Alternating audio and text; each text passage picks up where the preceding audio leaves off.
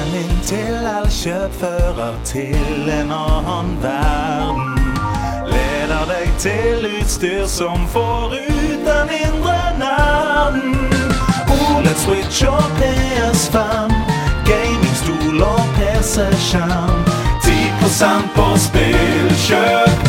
Landslaget sin beste venn er alle Han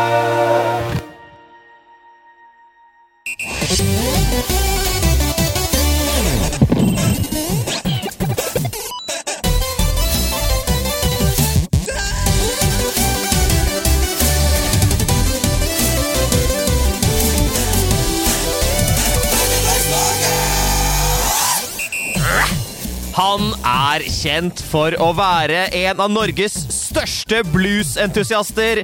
Nå har han tatt turen eh, direkte fra New Orleans for å fortelle dere mer om hva som skjer i eh, spillenes eh, helsprø verden. Og er det en liten Fender Stratocaster jeg ser han har på ryggen der? Ja, det er det. Det er Andreas Hedemann!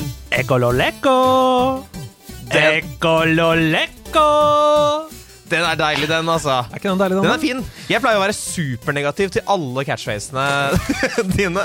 Men den her syns jeg var skikkelig sånn positiv, Ja. rullet av tungen. Jeg syns ikke du pleier å være negativ. Det er bare fordi du har blitt manipulert av at vi snakket sammen i går. At jeg sa til deg Du slakta catchphrasen min 'glad'. Jeg gjorde det. Eh, Og så møtte vi faktisk han da som Som hadde hadde gitt catchphrasen. oss catchphrasen. For han fortalte hvordan det skulle sies, og da ga den catchphrasen mening. Ja. Du pissa rett og slett på hans Ja, det var min feil. Ja. Uh, leveransen var for svak. Men det er jo helt utrolig at på House of Nerd så møtte vi tilfeldig i går mannen som ga oss glad. Ja. glad.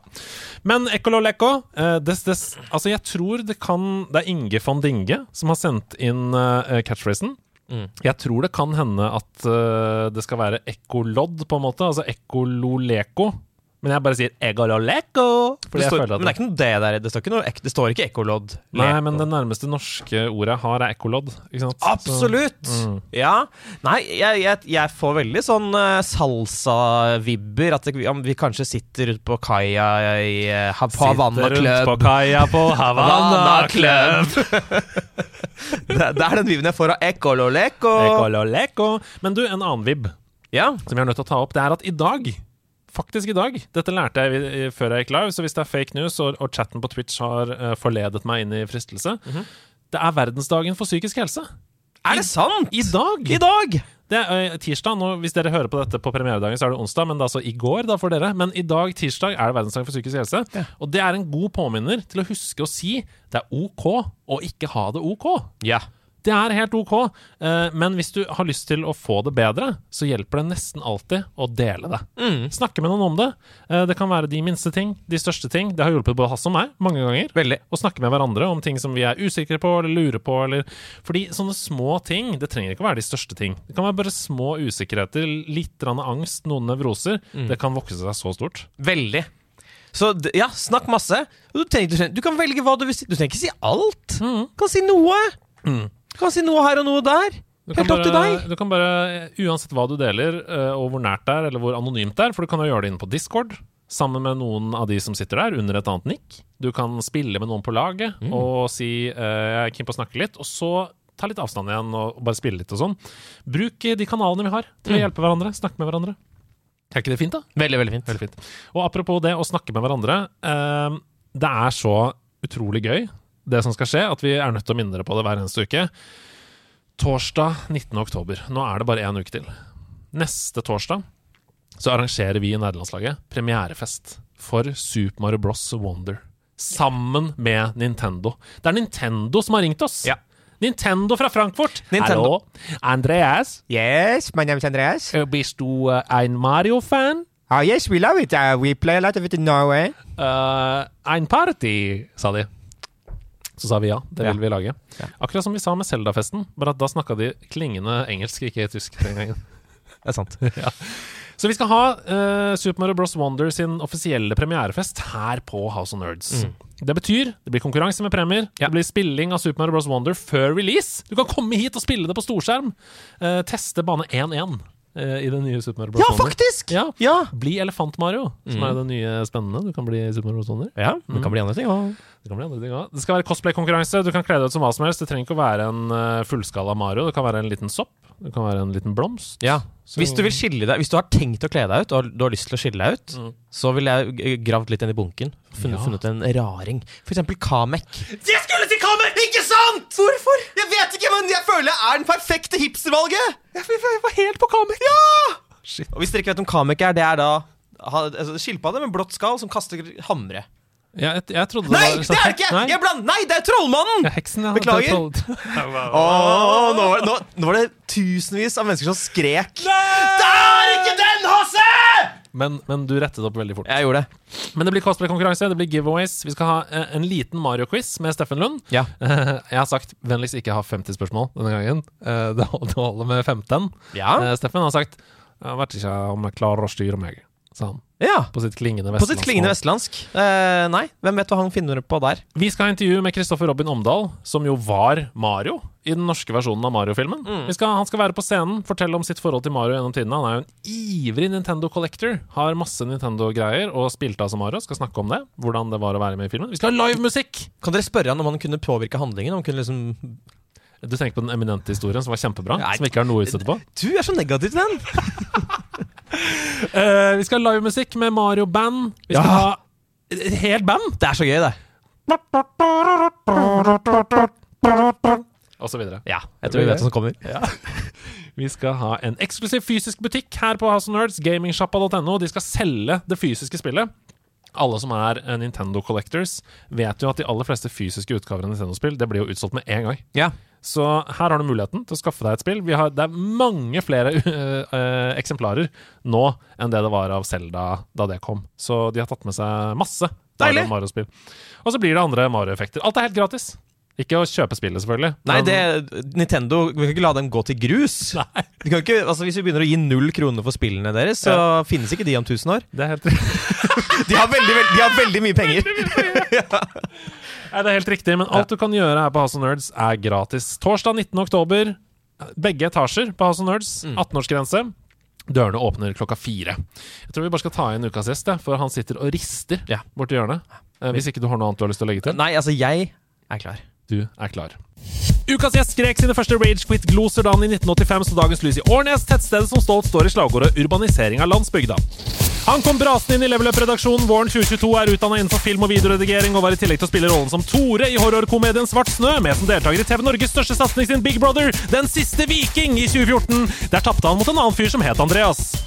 Han er brutalt ærlig utadvendt og så energisk at han til tider blir fryktelig sliten av seg sjæl, noe som blir spesielt tydelig når han veiver med økser og sitat 'drikke mjød'. Han liker å være oppe på natta og koser seg selvfølgelig med Vardruna og alt annet som kan minne om norrøn kultur, men også bånd til Japan. Da han måtte i bryllupet til et nært familiemedlem i stedet for å gå på Final Fantasy-konsert med Umatsu på Retrospillmessen, sørget han i ukevis. Ta vel imot supernerd, helt Will quiz-deltaker, det nærmeste vi har guden Thor på jorda, og spillanmelder i Level Up, Andreas Viking Bjørkhaug! Der er han! Her er jeg. jeg lurer på om jeg skal begynne å se ut av vinduet på kvelden. Altså, se om du sitter her med kikkert og følger med på hva jeg holder på med. Hva var du mest overraska over? Oi um, ja, så De der siste vikinggreiene og sånn er ganske enkelt å finne ut av. Um, Ja. Drikke mjød! Drikke mjød. Og så har du sett eh, søknadsvideoen jeg sendte, tydeligvis. Ligger den, ligger den fortsatt ute? Du har en åpen Vimeo, min venn, der du har tre videoer. Vimeo ligger den Du har glemt å skjøtte ned Vimeo-kontoen din! Å nei! Er det noe mer som ligger på den? Der er det en dubstep-sketsj, og Det er så gøy med sånne gamle steder! Å nei, å nei! eh, der du løper rundt som en SWAT-team politimann og skyter med noen greier. Eh, og det er også noe, noe Nav-sketsj. Nav. stemmer det. Men, men, men, men kommer du til å slette det nå, eller har du tenkt å nå la det ligge ute i hvert fall litt, sånn at lytterne våre kan få kose seg? Ja, så, så lenge folk eh, skjønner eh, humoren i det, så tror jeg det går greit. Ja. Så lenge de ikke tror at den SWAT-videoen er jeg som prøver å se kul ut.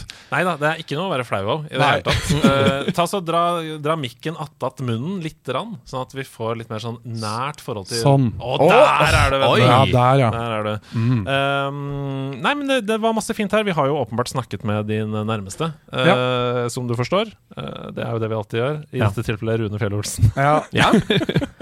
Og han, eh, han er jo Han er en sladrehank. Ja, jeg, jeg, jeg visste ikke at han visste så mye om meg engang, ja, så det er jo, eh, det er jo spennende. Ja. Kan, kan jeg bare eh, si Jeg vet ikke om du fikk med deg det mens den siste Viking gikk på TV, men jeg eh, det å recappa Du nikker på hodet.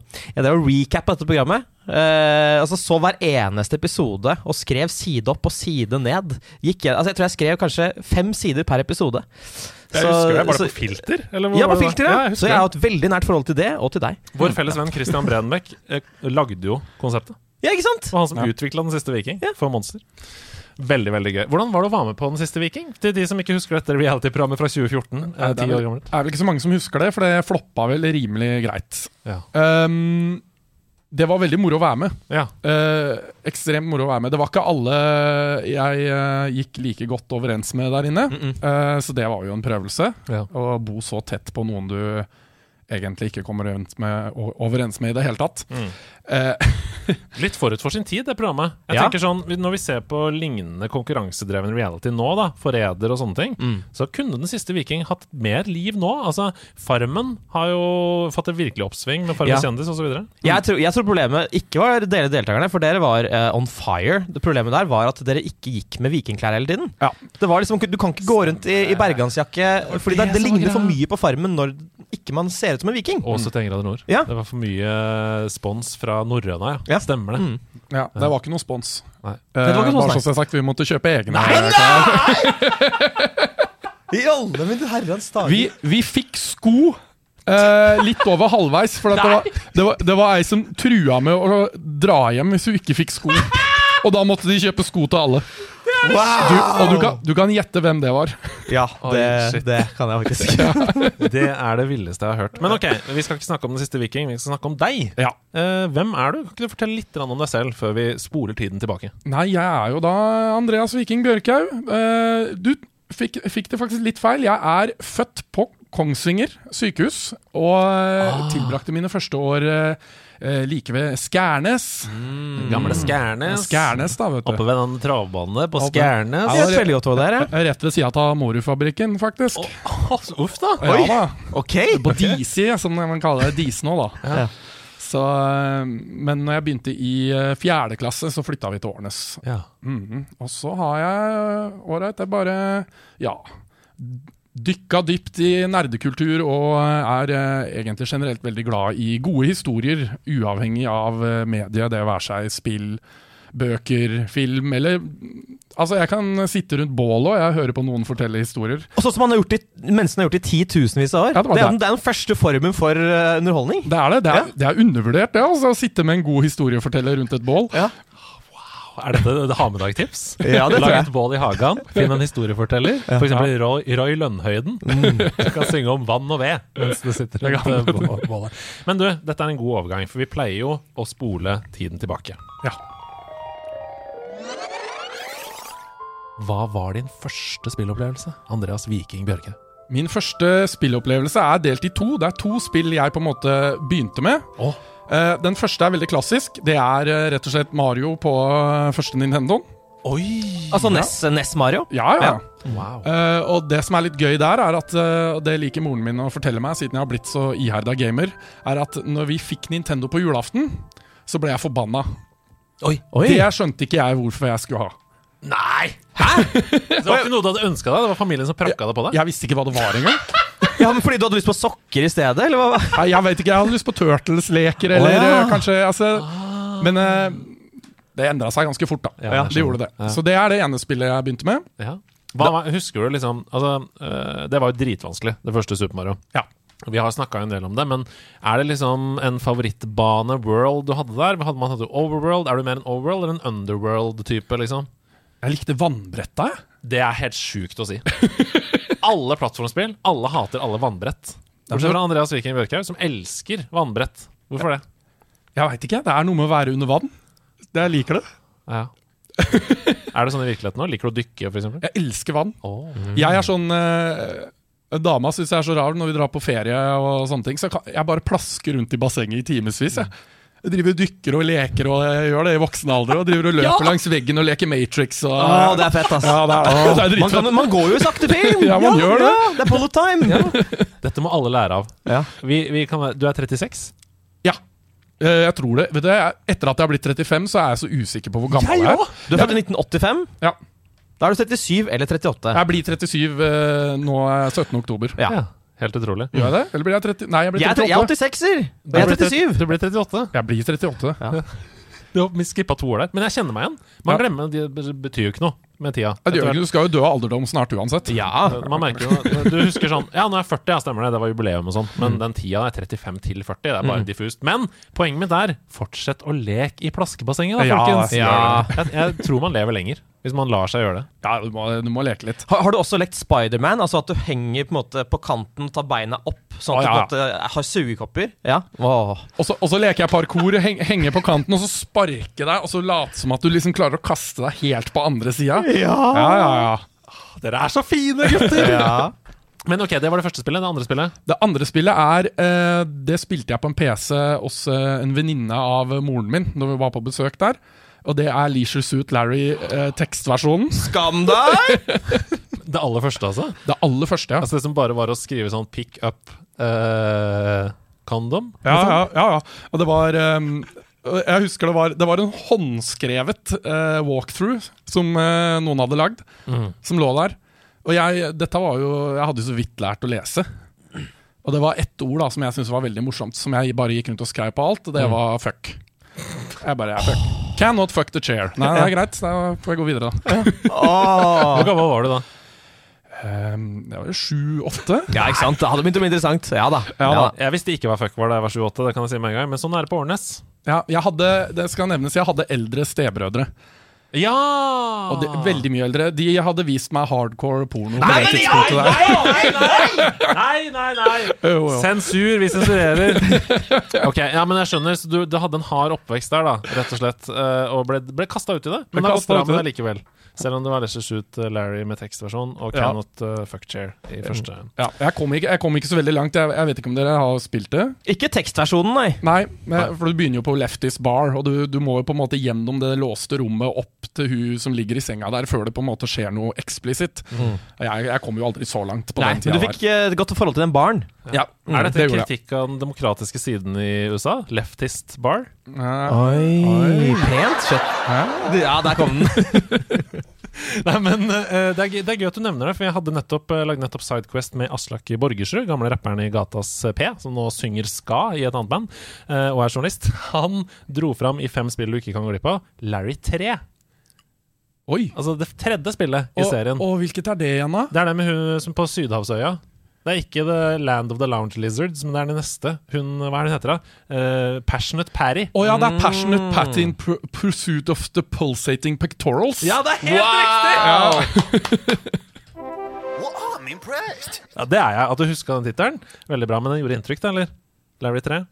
Det verste er at eh, det er vel en av de få jeg ikke har fullført. Men jeg hadde, jeg hadde den Larry Collection. Den kjøpte jeg når jeg var eldre. Og det er jo ikke noe, det er ikke noe firer Nei. i Larry-serien. Nei. Nei. Det står i manualen eh, 'It's because Larry doesn't believe in foreplay'. Det er Det, Altså, det er jo genialt. det er så bra. Det er bra. Men uh, dette snakka jeg også med Aslak om. Larry-serien har et stempel som liksom uh, bermete, uh, sexbasert. Det er genuint veldig bra manus. Det er Ja. kjempemorsomt. Det er, det er, eh, og da Larry 3 kom, spesielt, så fikk det ekstremt gode anmeldelser. Spesielt fordi humoren var raffinert og god. Så det, det har et litt sånn dårlig rykte, nettopp som det du sier, da, at det er sånn 'cannot fuck chair'. Men det er skikkelig velskrevet, bra manus Ja, det er det. som man ler av i de spillene. Det, ja, det er jo litt lett å huske det som kanskje litt sånn mannssjåvinistiske sånne ting, men det er jo ikke det heller. Larry er jo skikkelig stusslig Ja, type. taper, ja. Han ja, ja, det er masse kritikk av en slags eh, mannstype her i, i de spillene. Men eh, la oss gå videre fra Larry. Det, Hvor gikk veien? Eh, veien videre gikk uh, på jobb-PC-en til uh, pappa. Eh, og da begynner vi å snakke Duke Nukem 3D og Quake og de godsakene der. Shareware-versjoner, da, vel å merke, i, i hvert fall til å starte med. Samme her. Men jeg fikk eh, pappa til å kjøpe Duke Nukem 3D til meg. Husker vi kjøpte på Elkjøp til 699 Ja, kroner. som da er 3000-4000 kroner i dag. Ja, Men verdt hver krone ja, for et spill. ja, ja fantastisk. Utrolig bra. Altså, uh, skytefølelsen, kjempebra. Jeg spilte masse Duke Nukem 3D, som fulgte med på uh, hjemme-PC Uh, i hjemme-PC-bladet. Det var sånn juleversjon. Ja, Jule-CD med Jazz Jackrabbit i juleversjon. Eh, Duke Nukem 3D i juleversjon, skjøt på nisser og sånn istedenfor. Og så videre. Veldig gøy. Uh, hva var ditt favorittvåpen i Duke Nukem 3D? Uh, det altså, jeg er en haglegutt, altså. Mm. er det Det er bare det er så mye Årnes her. Jeg er en haglegutt. Jeg liker Larry. Lager sketsjer om SWAT-team og skyting i skauen og, og og, dubstep. Ja, jeg har, jeg har utvikla meg litt, eh, litt siden den tid. Jeg håper det kommer fram. eh, Vi har åpne armer for alle mennesketyper. Ja, ja, da. Så hagle er ikke noe gærent i det. Nei, Eh, veien videre herfra, da? Jobb- Jobb-PC og, og du, Knuken? Ja, så gikk jeg videre selvfølgelig Når vi begynte med Larry, så gikk det jo videre på andre point and click adventure-spill. Eh, Da er det jo Curse of Monkey Island er jo en mm. stor favoritt. Hele Monkey Island-serien. Broken Sword. Vi har snakka en del om Monkey Island. Vi har snakka veldig lite om Broken Sword. Broken Sword er jeg vet ikke hva Broken Sword er engang. Da iPad kom, eh, så fikk Broken Sword-serien en revival. Oi! Fordi utviklerne av Broken Sword var veldig flinke til å porte det til uh, iPad. Og det er jo ingenting som er lurere enn å spille Broken Sword på iPad. For Broken Sword er jo et spill der du uh, f.eks. er et krimmysterium, mm. og så kommer du inn i et rom. Og, og, og det er ikke liksom point and click 3D, det er en fast bakgrunn som du ser, litt som et maleri. For F.eks. et gammelt bibliotek. Og der er det sånn at du må identifisere key items rundt omkring, som gjerne er gjemt, osv. Og, så videre. og så er det sånn Ut av denne boka ne, ne, ne, ne, Et lite bilde. Og da blir det sånn Oi, nå har du fått et nytt hint, for Ja. eksempel. Så det er en slags øh, Det er en slags Finn Willy gjettelek også, i et Ja. krimmuseum. Ja, det vil si, jeg, jeg vil si at det tematisk sett er en krysning mellom Da Vinci-koden og Indiana Jones. Mm. Meget sterk Ja. beskrivelse. Ja. Eh, utrolig fine spill. Uh, har du noen gang spilt dem på uh, iPad, eller sånn i moderne versjoner? Jeg har spilt uh, den, den remaken, eller remasteren, på, på iPad, av eneren. Ja. Det har jeg, for det, det hadde jeg ikke sjøl da jeg var liten. Det var Broken Sword 2 jeg primært spilte. Mm. Så det Du, hadde du noe forhold til pek og klikk, egentlig? Jeg, men, vet du ikke, vi har snakka så mye om det. Nei, jeg bare spilte uh, Mist da jeg var fem år, og skjønte oh. ikke eh, hvorfor ikke man fikk våpen man kunne skyte med. For det var jo liksom et NFB, eller et førstepersons spill, men man kunne ikke skyte. Jeg runda Mist som barn. Det er Jeg- helt utrolig. Jeg, kan ikke fatte jeg har gått tilbake og sett på Jeg bare, Hvordan i all verden skjønte jeg det her? Ja, ja. Det er jo times, hundrevis av timer med trial and error, selvfølgelig. Det er det sjukeste jeg har hørt. Altså, Jeg fikk også myst, selvfølgelig, min far. Eh, jeg føler at alle fedre ga barna sine must Som var glad i. Skjønte ingenting. Jeg kom til den, eh, den øya med det fyrtårnet. Gikk rundt, skjønte ingenting. Eh, prøvde i voksen alder, skjønte ingenting. Altså Da skjønte jeg hva jeg skulle gjøre, da men jeg greide ingen av puzzlene. Eh, jeg er en dum liten gutt.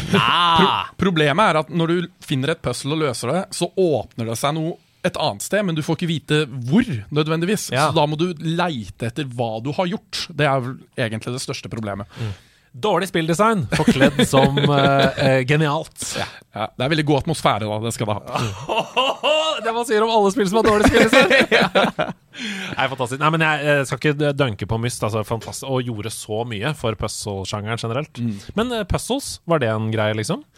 Det, det er litt morsomt, for jeg er Når det gjelder sånne klassiske puzzles, sånn type sliding puzzles og sånne ting, der er jeg elendig, så der fikk jeg ofte hjelp av mamma. Men eh, når det gjelder mer sånn Monkey Island-logikk, sånn tegneserielogikk, der er jeg god. Så, sånn, men problemet er at jeg tenker jo sånn i virkeligheten òg, så jeg er jo ikke praktisk anlagt i det hele tatt. Så hvis jeg skal løse noe hjemme, så tenker jeg i Monkey Island-logikk. Å kombinere to ting til å bli en helt tullete eh, tredje ting, liksom. Ja, det er sånn Når vi skal henge opp det bildet her, kan jeg bruke ost og helium, kanskje? Jeg vet ikke. Det er gøy. Altså, Lærertygges At du hele tiden må fylle på med helium så bildet skal holde seg oppe. inni osten. Som er en slags sånn um, Hva heter det? Omvendt uh, fallskjerm. Ja. Altså Du fyller, ost, un, du fyller heller under osten, så det Ja. henger bildet opp. Men uh, det må jeg si, Broken Sword har uh, veldig bra puzzle design. Eh, det, det, det fungerer Det er ikke for vanskelig, men det er liksom ikke for lett heller. Og det er veldig sånn du prøver deg fram, og så kommer du naturlig fram til svaret på en veldig god måte. Jeg syns nok Broken Sword er det point and click adventure-spillet med best puzzle design noensinne. Jeg liker det også veldig godt, altså. Jeg har spilt altfor få av dem. Men de to som jeg har spilt på iPad, de var bare helt sånn Jeg forsvant inn i det. Um, jeg husker det var en periode hvor jeg tok mye Jeg jobba på Lysaker. Jeg tok mye kollektivt. Brukte gjerne tre kvarter til jobb én vei eh, hver dag. Så da spilte jeg liksom Broken Sword hele veien. Og jeg prøvde å legge opp ruta sånn at jeg mest mulig satt bare på én ting fram til Lysaker. Sånn at jeg kunne sitte uavbrutt og spille Broken Sword hele veien ut til uh, iWorks, som lå på Lysaker. Selvfølgelig. Ehm, hva, hvor er veien videre herfra? Du er jo, altså nå er du jo en altetende spiller som spiller så å si alt. Har du noen favorittsjanger, eller spiller du Hva er det? Jeg har en favorittsjanger. Eh, Jeg gikk jo videre på MMO-er eh, etter det. Eh, Ultima Online Oi, og oi, oi. Ja, ja, der, her er det Ja, ja, ja. OG MMO. Og så har jeg spilt en del Anarchy Online. Um, ja, det var en periode hvor jeg prøvde alle MMO-er. Alle nye MMO-er som kom ut. Sånn var Stian også. Bare for å se sånn Er det noe som kan erstatte WoW for meg? Mm. Og så sammenligne alt med det. Men har du et MMO som du sammenligner alt med? Ja, Anarchy Online. Ja, det er Er det sant?! Ja. Var du der?! Ja, Å, det er så sjelden folk snakker om det! Ja, ja. Det var jo svært back in the day. Ja, ja, ja, det- Norsk spill! Ja, ja, ja.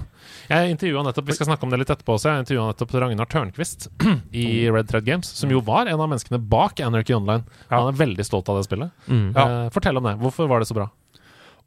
Um, det er uh, Det er litt den kunsten som har Eller sånn tingen som har blitt borte i nye MMO-er. Eh, og det er det som gjør det så bra for min del, er at det er såpass hardcore. Det er såpass vanskelig å vite hvordan du gjør questene og sånn, at du må ha hjelp fra andre folk. Du, du kan ikke eh, gjøre det på egen hånd, så å si. Altså, du kan jo søke på nettet og sånne ting. Og, og det at du må ha hjelp av andre folk, gjør at det, det lager et mye bedre community. Det, er, det er mystisk, ikke sant? Det er sånn der dere skal finne ut av det sammen. Og ja, det er rett og slett eh, Og så er det settinga, da. Science fiction-settinga som er kul, og at de på en måte forklarer magi på eh, science fiction-måten. Altså at eh, Wizard er jo nanoteknisjen, han bruker jo nanoteknologi og sånne ting, og det syns jeg var veldig kult. Men så var dette på en måte Altså Dette kom jo i 2001. WoW kom i rundt 04 eller noe sånt. Altså Det hadde jo en del år på seg der det Altså Fordi jeg føler jo at når, alle, når det kommer et nytt MMO-RPG, så alle dør ut etter hvert pga. WoW. Eh, men altså hvor stort ble liksom Anarchy Online når det liksom fikk være i Leve i en tid før WoW? Ja, Hvor stort det var spillemesser og sånn, Ja, det, det, hvor populært var det? liksom? Var det svært? Det, det vet jeg. altså, det, jeg jeg veit på en måte ikke omfanget av det. Jeg veit bare at det, det var mye aktivitet på serverne. Ja, Det var var ikke bare så- Norge, liksom? Nei, nei. Nei. Nei, nei, nei. Vi spilte med, jeg hadde en guild eh, hvor jeg spilte med en som var gorillatemmer i Kongo, f.eks. Da var det sånn vi drev i dungeons. Han ba, «Å, 'Vent litt, jeg må ut og mate gorillaene'. Og jeg bare, ja, ja. Anarchy Online bana jo vei for The Secret World, som var det neste, eller kanskje ikke det neste, men det er i hvert fall det store eh, MMO-prosjektet til Funcom. da Som skulle jo være, som ble skrevet av Ragnar Tørnquist. Eh, kanskje hans beste historie, lurer jeg på. altså Secret World er veldig, veldig bra. er Veldig bra. Eh, du har spilt det òg? Ja, ja. Masse? Fortell. Jeg har ikke spilt det så mye som jeg har spilt Anarchy Online. Det har jeg ikke Men eh, det beholder jo mye av den samme essensen med disse mysteriene og tingene som må løses. Og det som er så kult med Secret, Wo- Secret World, er jo at plutselig får du en quest med morsesignaler og, og sånne type ting. Og så må, du, så må du gå på De har jo lagd en egen nettside som på en måte er avis. eh, nettside som du må, eh, du må fysisk gå ut av spillet og inn i browseren og lese avisa for å finne hints og sånn for å løse questene. Det syns jeg. Jeg syns sånt er dritkult. Det husker jeg sånn uh, ARG-spill. Det var veldig populært på den tiden. Alternate Reality Games. Som var sånn at du måtte Jeg husker det kom et eller annet sånn svært uh, spill knytta til en eller annen energidrikk. Som het noe sånn Mosquito eller noe sånt. Hvor man måtte bruke uh, virkeligheten i Oslo. Og digitalt spillet. Og du måtte liksom eh, Plutselig en dag da så var det sånn På Mortensrud T-bane henger det en plakat. Mm. Du må finne koden som står i hjørnet, og plotte den inn. Førstemann får en bonus, liksom. Det elsker jeg! Ja. At det er sånn eh, eh, Amazing Race-følelse. Ja, ja. Sånn, Sett ut og gjør det nå. Ja. Mm. Ah, apropos uh, point and click adventure-spill, når vi først uh, snakker om eh, Funcom. Uh, Ja. Lengste reisen er, uh, er en stor favoritt. Mm. Jeg er spill. Jeg syns Ragnar Tørnquist er undervurdert på internasjonalt nivå når det kommer til å skrive historier i spill. Mm. Det blir jeg sikkert glad for å høre. Hei, Ragnar. Jeg vet jo du hører på hver episode. ja, det gjør ikke det. Nei, men Så hyggelig. Men eh, ok, så MMO-er, eh, det er sjangeren din? Altså hvis du, hvis du må velge en sjanger, liksom? Å, nei, nei jeg, jeg, har jo falt bort fra MMO-er nå. For Ja. nå, jeg syns moderne MMO-er bare har strippa vekk alt som er gøy med MMO-er. Ah. For da nå er det Quest Markers og Ja. altså nå, Det skaper ikke et community lenger på samme måten, for nå kan du bare spille dem aleine. Mm. Og da Jeg sier jeg, sier- da faller moroa litt bort for meg. Altså. For mye fast travel, for mye enkle løsninger, liksom? Ja, altså, og Ikke få meg til å begynne på flying mounts engang. Det ødelegger jo hele sonen. Jeg elsker det! Det er helt riktig. Ikke få meg til å begynne på flying mounts engang. Det ødelegger hele sonen. Det blir jo ikke noe utforsking. altså Alt det arbeidet de har lagt i å lage den fet, det blir jo bare borte. Du flyr jo bare fra Quest til Quest. Ja. ja, Det er også et problem med Skyrim. Um, vi skal snakke mer om Skyrim etterpå, men det spillet er jo best mellom byene, liksom. Altså Det Ja. spillet er best på veien. Ja, ja. Når du bare lar deg selv bli distrahert og finne ting som skjer underveis. Og sånn Og det skjer jo ikke hvis du tar fast travel eller setter deg opp i Kørja og lar ballongen gå fra en by til den andre, som du jo kan gjøre. da. Eh, Der hvor Kørja i dette tilfellet er en hest og kjerre. Som Som ødelegger sonen. Ja. Det gjør, ja, det gjør det. Ok, vi, vi spør jo før du kommer hit, så ber vi deg om å liksom finne topp tre spilleopplevelser. Mm. Som du har lyst til å liste opp. Uh, og vi har gjentatt det mange ganger, men vi sier det gjerne igjen. Trenger ikke å være de tre beste spillene gjennom tidene. Bare tre spilleopplevelser som er dine. Eh, Som står ut for deg, liksom. Som har definert deg litt da, som gamer. Ja. Hvor skal vi begynne, da? Da begynner vi på Donkey Kong Country 2. Å, to! Ja, ja, ja. Ok, hvorfor to og ikke én? Eh, Jeg sparte jo opp og kjøpte meg Super Nintendo. Eh, med den Donkey Kong Country, den pakka. Ja, ja. Eneren. Og eh, jeg likte det spillet godt, men uh, toeren er uh, helt spesiell for meg. Og det her er mye Det går mye at jeg var jo Når jeg gikk på skolen da jeg var liten, jeg var jo, jeg var jo ubrukelig i alt. Jeg var, dår- jeg var dårlig på skolen, jeg kunne ikke spille fotball. Altså, jeg var veldig hyperaktiv uh, og hadde null kontroll på kroppen min. Ja. Jeg kom på faktisk en uh, ting i går på, på hvor ubrukelig jeg er. Ok Jeg syns du er ganske brukbar, jeg, da. Ja, Ja, ja, nå, nå, det, det har kommet seg med åra, Ja. men uh, jeg, jeg husker det. Og det, her, det gjør vondt å huske den dag i dag. Vi, hadde, vi spilte slåball ute, Ja. og så uh, satt en kompis uh, av meg på krakken med liksom 90 grader i beina. Og så tenkte jeg å, det hadde vært moro hvis jeg liksom gikk med balltre og bare lata som at jeg klinte til han i leggen. Det, det syns han sikkert er gøy. Jeg hadde jo ikke kroppskontroll, vet du, så jeg klinka han rett i leggen med det balltreet. Knakk han beinet, eller? Nei, nei, han gjorde ikke det, men det, det var som å slå ett balltre på to andre balltrær oh. når du hørte lyden. Og han syntes ikke det var litt gøy engang. Nei. Nei, det gjorde han. Selvfølgelig ikke! Han har blitt utsatt for blind vold! Men han skreik og gråt og sånn? Ja, ja, ja. Å nei, å nei! Og jeg, jeg, var jo, jeg klarte jo ikke å forklare meg engang. ikke sant? Så når læreren bare 'Andreas, hvorfor i all verden gjorde du det her?' Jeg bare 'Jeg trodde det kom til å bli gøy'. Ikke sant? Det er så, det er så dårlig. Ja, jeg var, altså jeg var, jeg var helt Men ubrukelig. hvordan, hva har dette med Donkey Kong Country 2 å gjøre? Ja, Det jeg kommer til. Oi, oi, oi! Ja. Det, jeg følte meg jo også ubrukelig i alt. ikke sant? Ja. Gjorde det dårlig på skolen, Ja. lærevansker. Slo folk med balltre? Slo folk med balltre når jeg bare prøvde å få Være meg snill. venner. få meg. Uh, nei, Donkey Kong Country 2 Jeg uh, spilte jo det veldig mye, og jeg klarte å unlocke alle hemmelighetene. Altså absolutt alt. 100% eller 101 er vel kanskje når du får til. Altså Finne alle de hemmelige pengene og, og sånne ting. Og det er vel det første møtet jeg hadde med mestringsfølelse Ja. i mitt liv. Mm. At, jeg, at jeg på en måte Jeg klarte å få til noe, da. Og det var, det var jo ingen andre jeg kjente som hadde klart å få det til. De trodde jo ikke på meg engang når jeg sa det. «Åh, Nok alt var særlig. Så jeg liksom eh, inviterte med folk hjem da for å vise dem at eh, se her, liksom. Wow. oh. Men det er en kjempeprestasjon. For de spillene er notorisk vanskelige. Um, og, og bare runde det gjennom Altså Både Donkey Kong Country 1 og 2, bare runde det gjennom normalt, er utfordrende for ganske mange spillere. Hvis du tenker på sånn som uh, Honningbanen, f.eks. I toeren Sticker Brush Symphony heter vel soundtracket som er der. Fantastisk soundtrack. Eh, Google det hvis dere ikke har hørt det. Ja, Sticker Brush Symphony er uh, det tornekrattbrettet. Ja, det Ja. var egentlig det jeg mente. Eh, der skal du fly rundt på en veps eller noe sånt, og hvis du kommer bort til kanten, da dør du jo Ja. med en gang. Det er så brutalt utilgivelig vanskelig. Ja, det er, ja. jeg runda det nå for ikke så lenge siden. Jeg lagde det som klassikerinnslag for Level Up. Ja. Så da spilte jeg det på nytt etter mange mange år. Gå inn og se på den på YouTube. Hva følte du da om vanskelighetsgraden? Det er, eh, det er vanskelig. Ja. Uh, det er ikke uoverkommelig vanskelig. Eh, altså De siste hemmelige bretta De er ganske pain in the ass. Men plattformspill på den tiden er jo grusomt vanskelige. Ja, ja. Rayman 1. Ja, Ray. Har noen runda det? Har noen Nei, jeg, tror ikke noen har det. Jeg tror ikke spillskaperne har rundet engang. Jeg har ikke runda det. Nei, nei. Sykt assklipp Eh, Crash, Crash Bandicoot 1. 1 Ja, det har jeg runda. Du har runda det, ja. Det har jeg runda. Okay. Det har jeg. Ja, jeg er det. Jeg er det. Jeg har ikke runda Crash Jo, det har jeg, i voksen alder. Jeg runda det i den remaken, men der har de fiksa kontrollene. Ja. Fordi i original uh, D-pad-form, uh, Crash 1 på PlayStation 1 Holy hell! Er vanskelig. Du, du tror du gjør noe Ja, men jeg gikk jo skrått, jo! Nei, du gjorde ikke det, sier spillet. Du gikk rett til høyre, ut i vannet.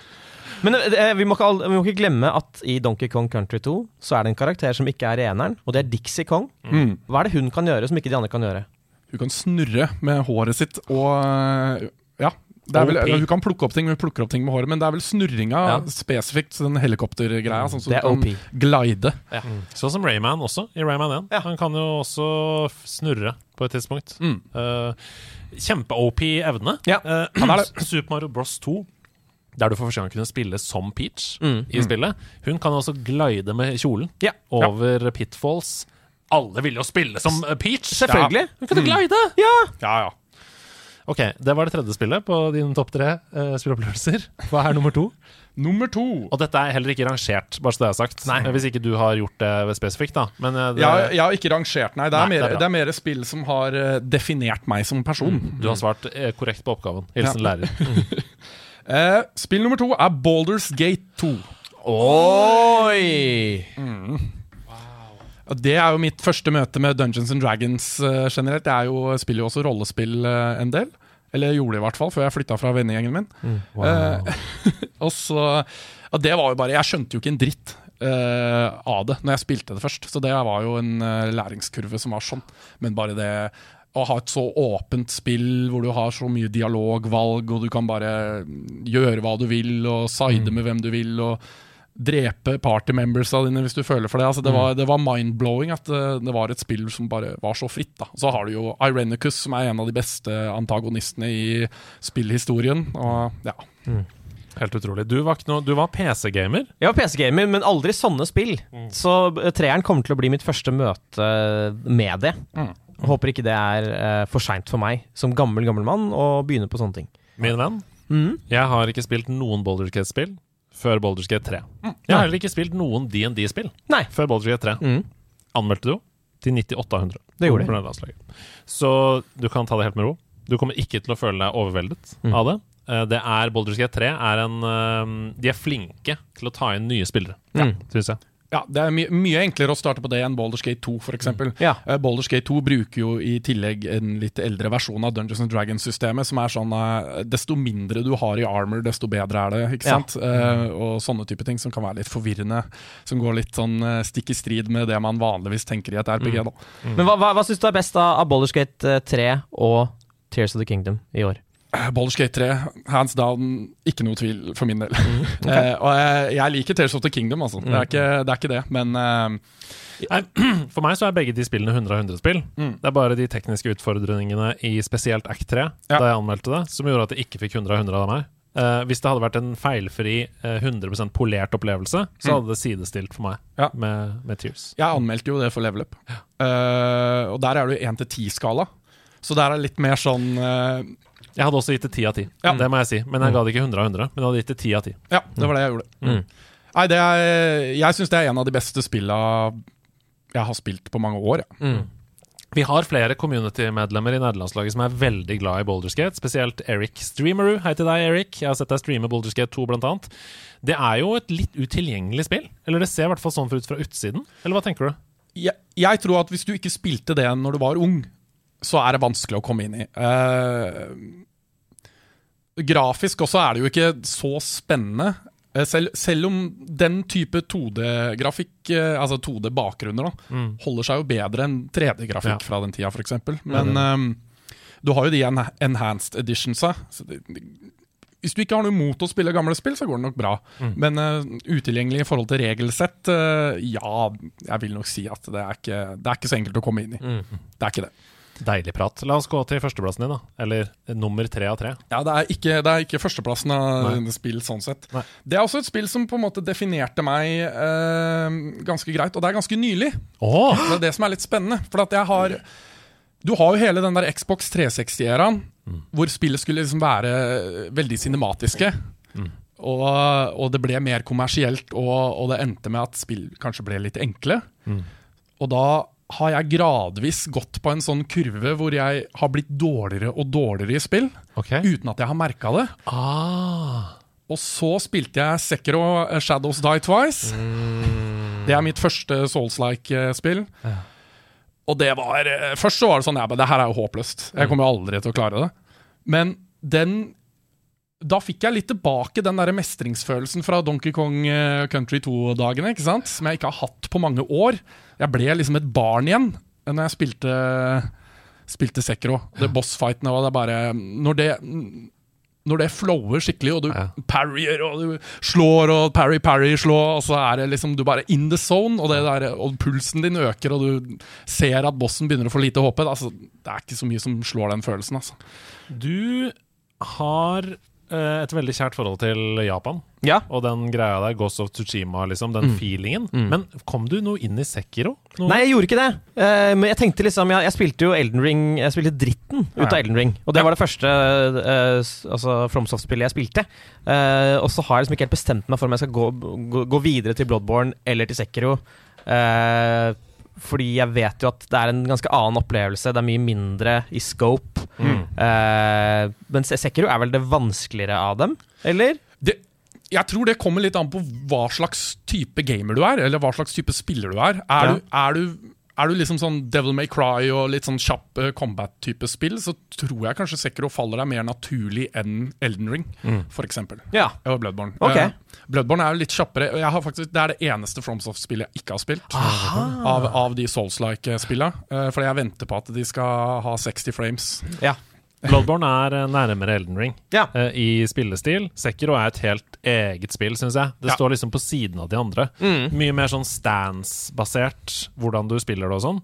Eh, Stian likte nok det best Ja. av de han har spilt. Også fordi han er en fyr med mye rytme i kroppen og, og musikalitet og sånn, som også vil hjelpe deg da, ja. i de spillene. Jeg syns Sekiro er det beste FromSoft-spillet. Jeg syns det er bedre enn Elden Ring. Shot, har du shotsfire-knappen? Men jeg skjønner hva du mener, Ja. for jeg liker Bloodborne bedre enn Elden Ring. Ja. Og jeg elsker Elden Ring, altså. Ikke noe, tull med det. Vi kåra det til Game of the Year, og alle var enige om det. Men jeg syns Bloodborne er bedre enn Elden Ring. Jeg har aldri greid å komme ordentlig inn i Sekiro. Uh, Eh, og ikke Nio heller, som du kanskje har spilt. Jeg- Nio, jeg, jeg viber ikke helt med Nio på samme måten. Sekiro er mye smoothere. Ja. Mm. Uh, Sekiro er det beste combat-systemet jeg har. Uh, altså sånn eh, ref, refleksivt. Det går ikke an å si. Hvordan det an å si det? Uh, hmm. Eh, Tenker du på respons? Ja, altså, Ja, eh, altså sånn Twitch-gameplay. eh, altså Ja. sånn At det sitter i ryggraden, liksom. Du, Ja. bare, du bare acter på refleks. Yes. Er det du snakker om? Ja. Mm. Jeg vet ikke om vi har noe ord for det. Mm. Nei. Men uh, vi skjønte hva du mente. Ja. Nei, men Så deilig. Jeg syns vi har blitt godt kjent med deg som gamere. Mm. Du har masse å spille på. Er det noen liksom uh, Vi kan bruke liksom tre-fire minutter hvis det er noen spill som du nå føler du må nevne, som du ikke har fått snakket. Uh, Skal vi se, ja, jeg skriver Han har selvfølgelig gjort notater. Ja da! Lærerens beste barn. Hæ, Stian, hva gjør du her? Kom deg ut. Nå er det vi som sitter her. Veldig bra, mens, uh, veldig bra som ventemusikk Ja. mens vi ventet på at notatene skulle komme fram. Nei, Jeg kan jo nevne Det, det er liksom morsomt uh, og litt flaut, egentlig. Men uh, Final Fantasy 8 også er et veldig viktig spill for meg. Ja, det er ikke noe flaut, det vel? Ja, bare vent. Jeg Det hjalp meg med å komme over kjærlighetssorgen min på ungdomsskolen. Det er ikke flaut! Det er koselig! Er Og koselig, veldig forståelig. Ja. Herregud, ungdomsskolen er det verste tre årene i livet. Det å ha kjærlighetssorg på den alderen her med alle de hormonene, det føles ut som verden har gått under. Det er så tungt å stå i. Mm. Og jeg, jeg spilte det, og jeg ble, jeg ble litt sånn eh, Det var sånn game crush på Renova, ikke sant? Ja, ja, ja. Og da var det sånn For jeg var jo sånn derre Å, jeg kommer aldri til å elske noen andre igjen, ikke sant? Du er jo der når du er på ungdomsskolen, Ja. for du er jo ja, helt blåst. Ja, ja, ja. Og så var det liksom Ja, men jeg føler litt for den der fiksjonelle karakteren her, liksom. Så kanskje det er håp eh, Kanskje det er håp allikevel. Det er fantastisk eh, spill. De fleste nevner jo enten syv eller ti, som du også har sagt før, Hasse. Men ja. åtte eh, Egentlig så tror jeg alle har sitt Final Fantasy. Enten det er tre eller fem eller ni eller elleve Ja. eller hva det er. Åtte er mitt første. Ja. Eh, det er ikke det beste. Nei. Eh, Nieren er det beste. Oi! Nok en gang shots fired Ja. på en måte uh, uten at du får knappen. Ja. Uh, fordi na, mange vil nok være enig med deg også. Hvorfor mener du det er det beste? Final Fantasy 9 er det beste Final Fantasy-spillet fordi det fanger alt som er liksom det ikoniske Final Fantasy-greiene. Det tar ting fra de gamle Final Fantasy-spillene, ikke sant? Ja. Uh, og, og blander det inn i en mer moderne type Final Fantasy. For det, det ligner jo litt mer på 7 og 8 sånn i, i stil. Eh, samtidig som de har liksom veldig mye fra de gamle. da Ja. I, I tillegg så er det Jeg syns det er de beste karakterene Beste skrevne karakterene i Final Fantasy-historien. Eh, det er de mest tredimensjonale karakterene med liksom litt sånn traumer og personlige problemer. og Vivi er jo et prakteksempel. Eh, fantastisk, fantastisk karakter. En av de beste spillkarakterene i noe spill? Ja, Kanskje? I hvert fall syns du det? Ja, jeg syns det. Fantastisk. Kan ikke si noe på det. Nei, Man har ikke jo det. eks- Eh, for jeg har ikke spilt det. Ikke jeg, jeg, jeg, bare- ja. jeg bare vet, eh, både fra chatten på Twitch her, som sier det eh, spesifikt, og fordi det alltid kommer på sånn top 10 best characters in video games, så er alltid Vivi der. Han har en sånn eksistensiell krise som er eh, Den er veldig bra. Det er veldig bra skrevet. Fantastisk. Ok, vi har blitt godt kjent med deg, Andreas, men vi skal bli enda bedre kjent med deg. Hva spiller du nå om dagen? Nå om dagen så spiller jeg min andre playthrough av Baldur's Gate 3. Ja Ja. Og for uh, playthrough 1 var hvor mange timer, sa du? 105. Oisa koisa, sier vi til det. På klingende finsk. uh, så nå spiller jeg sammen med dama i, Ja. eh, i co-op. Ja, split screen, eller? Nei, vi spiller på hver vår PlayStation. Bra. Ja. For det er ikke split screen på konsoll. Jo, på På PlayStation så er det det. På PlayStation og på Xbox X er det det. Ja, men, men er, ikke på S. men det er i 30 frames. Problem for deg. Ja, du liker 60. Ja, da leker når det er 60 frames. Ja, jeg gjør det. Ok, men uh, tar du helt andre valg enn i den første playthroughen? Jeg lar hun ta valga for det meste. Og hun er, eh, det er litt sånn forstyrrende, for at jeg er veldig sånn Enten går jeg full on evil, Ja. eller så er jeg goody two shoes. ja. Uh, hun er bare Hun gjør gode valg, og så plutselig gjør hun onde valg. eh, og så er det bare, jeg er sånn, ja, men i all verden, det er jo chaotic neutral uh, alignment i et nøtteskall. Ja, ja, ja. Det, det er ikke noe, du føler ikke at det er ekte roleplaying her, med mindre det er en veldig sånn emosjonelt styrt karakter. da Det kan det være. Ja, det kan det være. Nei, uh, hun roleplayer vel ikke Jeg er veldig glad i å roleplaye. Jeg er jo en sånn type immersion player. Jeg liker å bare leve meg 100 inn i det. Hun tar det vel bare litt sånn ja. Ta livet som det faller seg. ja, han hadde kul armor, han dreper vi. Ja. Ja. Men er det sånn Daniel Day-Lewis på filmer? Altså At du går 100% inn i karakter også når du ikke spiller? Ja, nei, ja. Du går på butikken og skal kjøpe pærer, og så bare ja. ah, Jeg er evil! Ja. Nei, det er ikke det. Nei, det er ikke det, heldigvis. Det hadde vært veldig uheldig på en evil playthrough. Jeg vet ikke om du har sett hvor ond du kan være i Baldur's Gate 3? Oh, oh, yes. Det er grusomt, ja. Ja, det er Du ganske grusomt. stå alene mot verden der på et tidspunkt. Å, ja da. Eh, Men eh, hvilken klasse går dere nå, da? Spiller dere begge to? Nå, hun spiller druid. Ja. Eh, hun er veldig glad i dyr og snakker med dyr og sånn. Så Naturens kvinne. skal du høre hvor søt jeg er? Absolutt. Min første playthrough, for jeg visste at jeg kom til å spille med hun seinere, så lot jeg være å snakke med noen dyr i hele min første playthrough. Sånn så eh, hun kunne få gleden av å, å snakke med alle dyra i andre playthrough uten at jeg visste hva de kom til å si. Jeg får gåsehud. Det er det fineste jeg har hørt. Jeg får gåsehud. Dette er ekte kjærlighet, og det er omtanke. Ja. Og det er at du forstår hennes behov, Ja. og har gitt henne en nydelig gave. ja. Spille av dette til henne. Dette vi sa nå. Ja, Hun kommer sikkert til å se det uansett. Ja, bra. Hei til deg. Hei til deg. Hei til deg. Og jeg er en half-orc munk. Så bra. Hun er en druid, hun snakker med naturen. Og er, jeg er en half-orc munk. Jeg slår folk i trynet. Deilig. Det er sånn det skal være. Har de, har, har de magi? Hva er greia? Hvorfor Munch? Altså, hva, hva? De har en type magi, sånn ki. Mm. Uh, som er Ja, du vet hva ki er. Nei! Gjør det ikke det? Det er jo liksom den indre magien du har i kroppen din. Ah. Det er mye snakk om det i sånn martial arts. Ja, sånn, som chakra. Ja, ja, ja.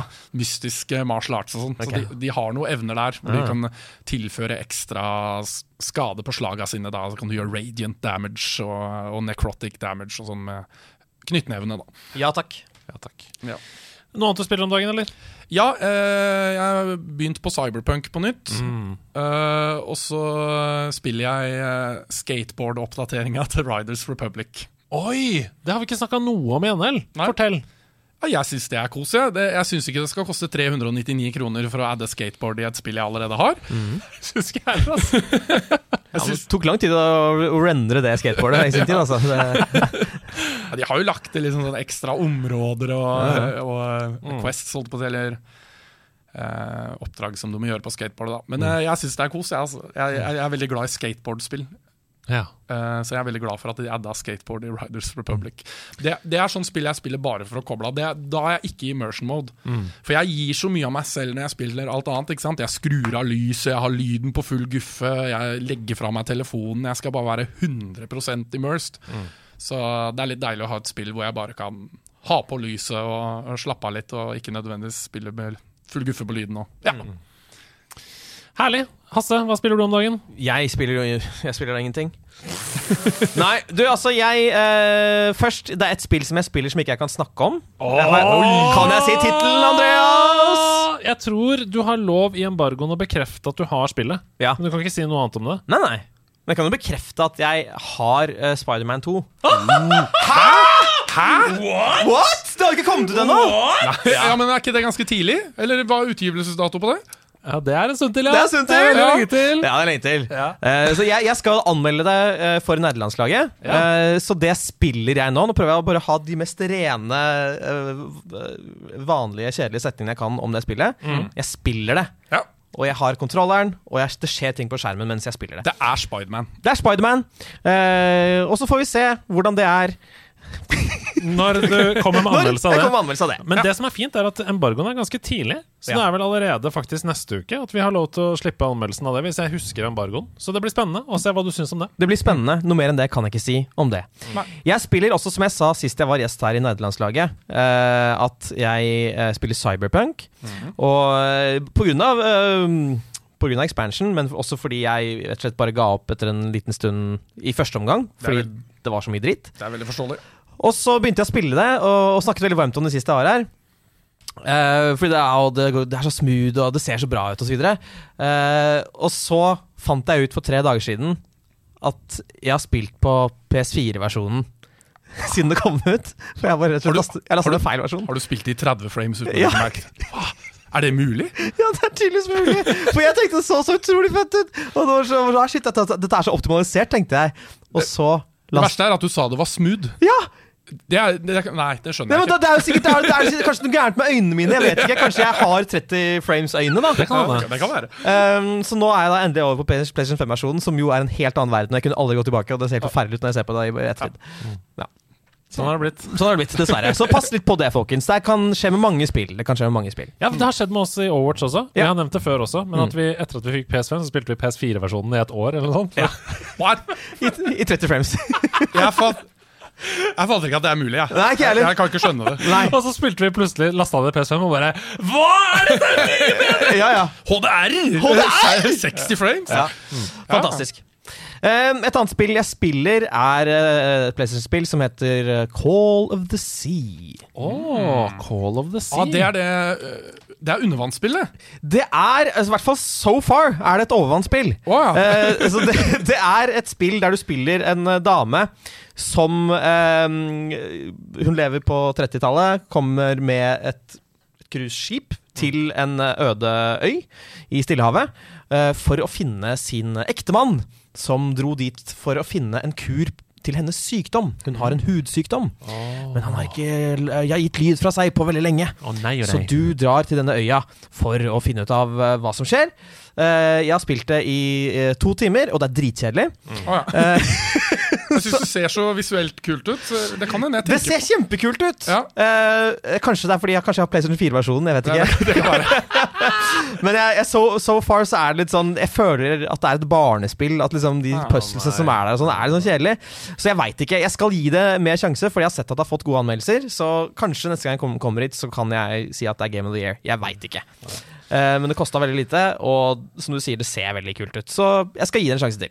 Ja, to timer, og det er dritkjedelig. Da begynner det å lugge for et spill. Altså, da er du tålmodig, syns jeg. Jeg er tålmodig, syns jeg. Ja, det er Ja. det. Så, så, så. Så vent litt med, med det. Eh, men noe jeg også har spilt, og det som er litt gøy, er at du, du er jo en early access-mann, Andreas. Stemmer. Elsker early access. Jeg spiller aldri early access lenger.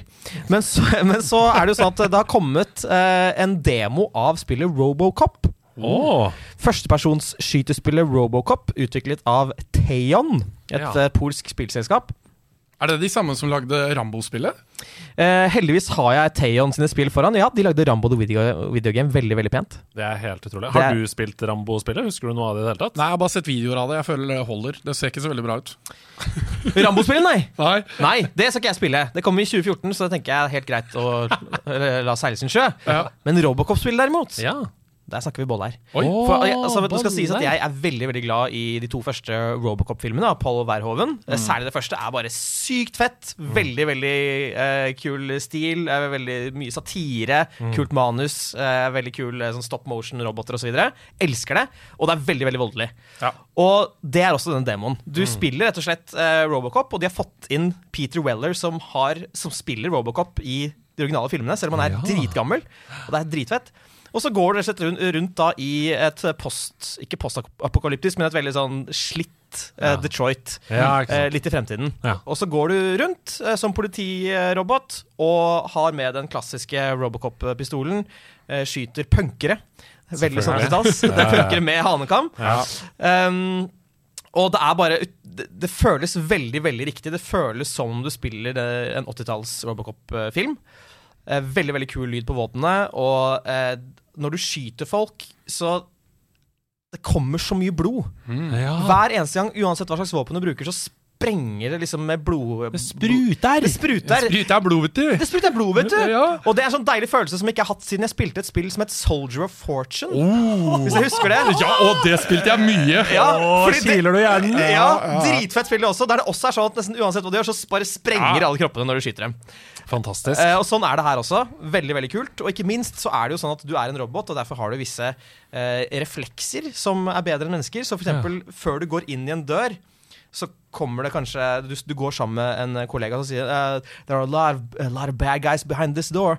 Make sure you use your uh, ultra-fast non-human reflexes.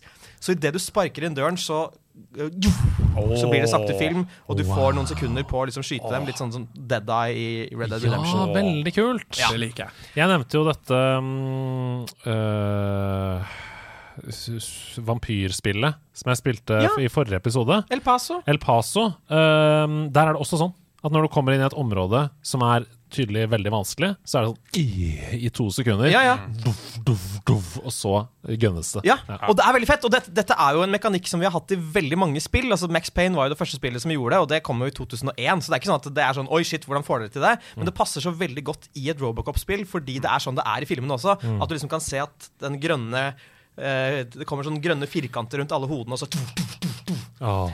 Og ikke minst så kan du ta tak i fiender og kaste dem på hverandre. Du kan kaste dem inn i vegger, og det splatter. Det er- Gi det til meg. Gi det til deg. Det høres gøy ut. Det høres det er veldig gøy. Dette er en demo, så hvem vet eh, hvordan selve spillet blir. Men jeg kommer til å spille dritten ut av det når det kommer. Jeg kommer til å anmelde det. For dette tror jeg kan bli en sleeper hit. Ja, Åh, det høres veldig gøy ut, altså. Det er veldig gøy at det kommer fra et spillselskap som eh, ikke har så veldig bra track record. Ja, Ja. nettopp. Altså, det, det, var ingen Altså, Jeg har sett masse videoer om dette på forhånd. Ingen trodde at dette kom til å bli noe bra. Nei. Og nå ser jeg bare masse masse folk på YouTube som spiller det og bare elsker det. Så eh, mm, one to watch. Veldig gøy. Det gleder vi oss til å sjekke ut når det kommer. Har du noe release date sånn ish på det, eller må du bare følge med? Jeg, jeg, jeg, det, jeg, har jo altså. jeg husker releasedaten. Jeg bare bruker litt tid på uh, å si det. Ja, fordi du er jo en som bruker lang tid på å snakke. Du har et språk som er slitsomt. Ja, Men så til slutt så finner jeg det bak i hodet, og da ligger det en titel, eller en, en dato som heter 2. november. Ja, så da kommer det. Da gleder vi oss til å få anmeldelse av det i november. Ja. Jeg har spilt uh, et par spill siden sist, jeg også. Det første jeg har lyst til å snakke om, er Savant Ascent Remix. Som jo er det nye spillet fra Dpad Studios.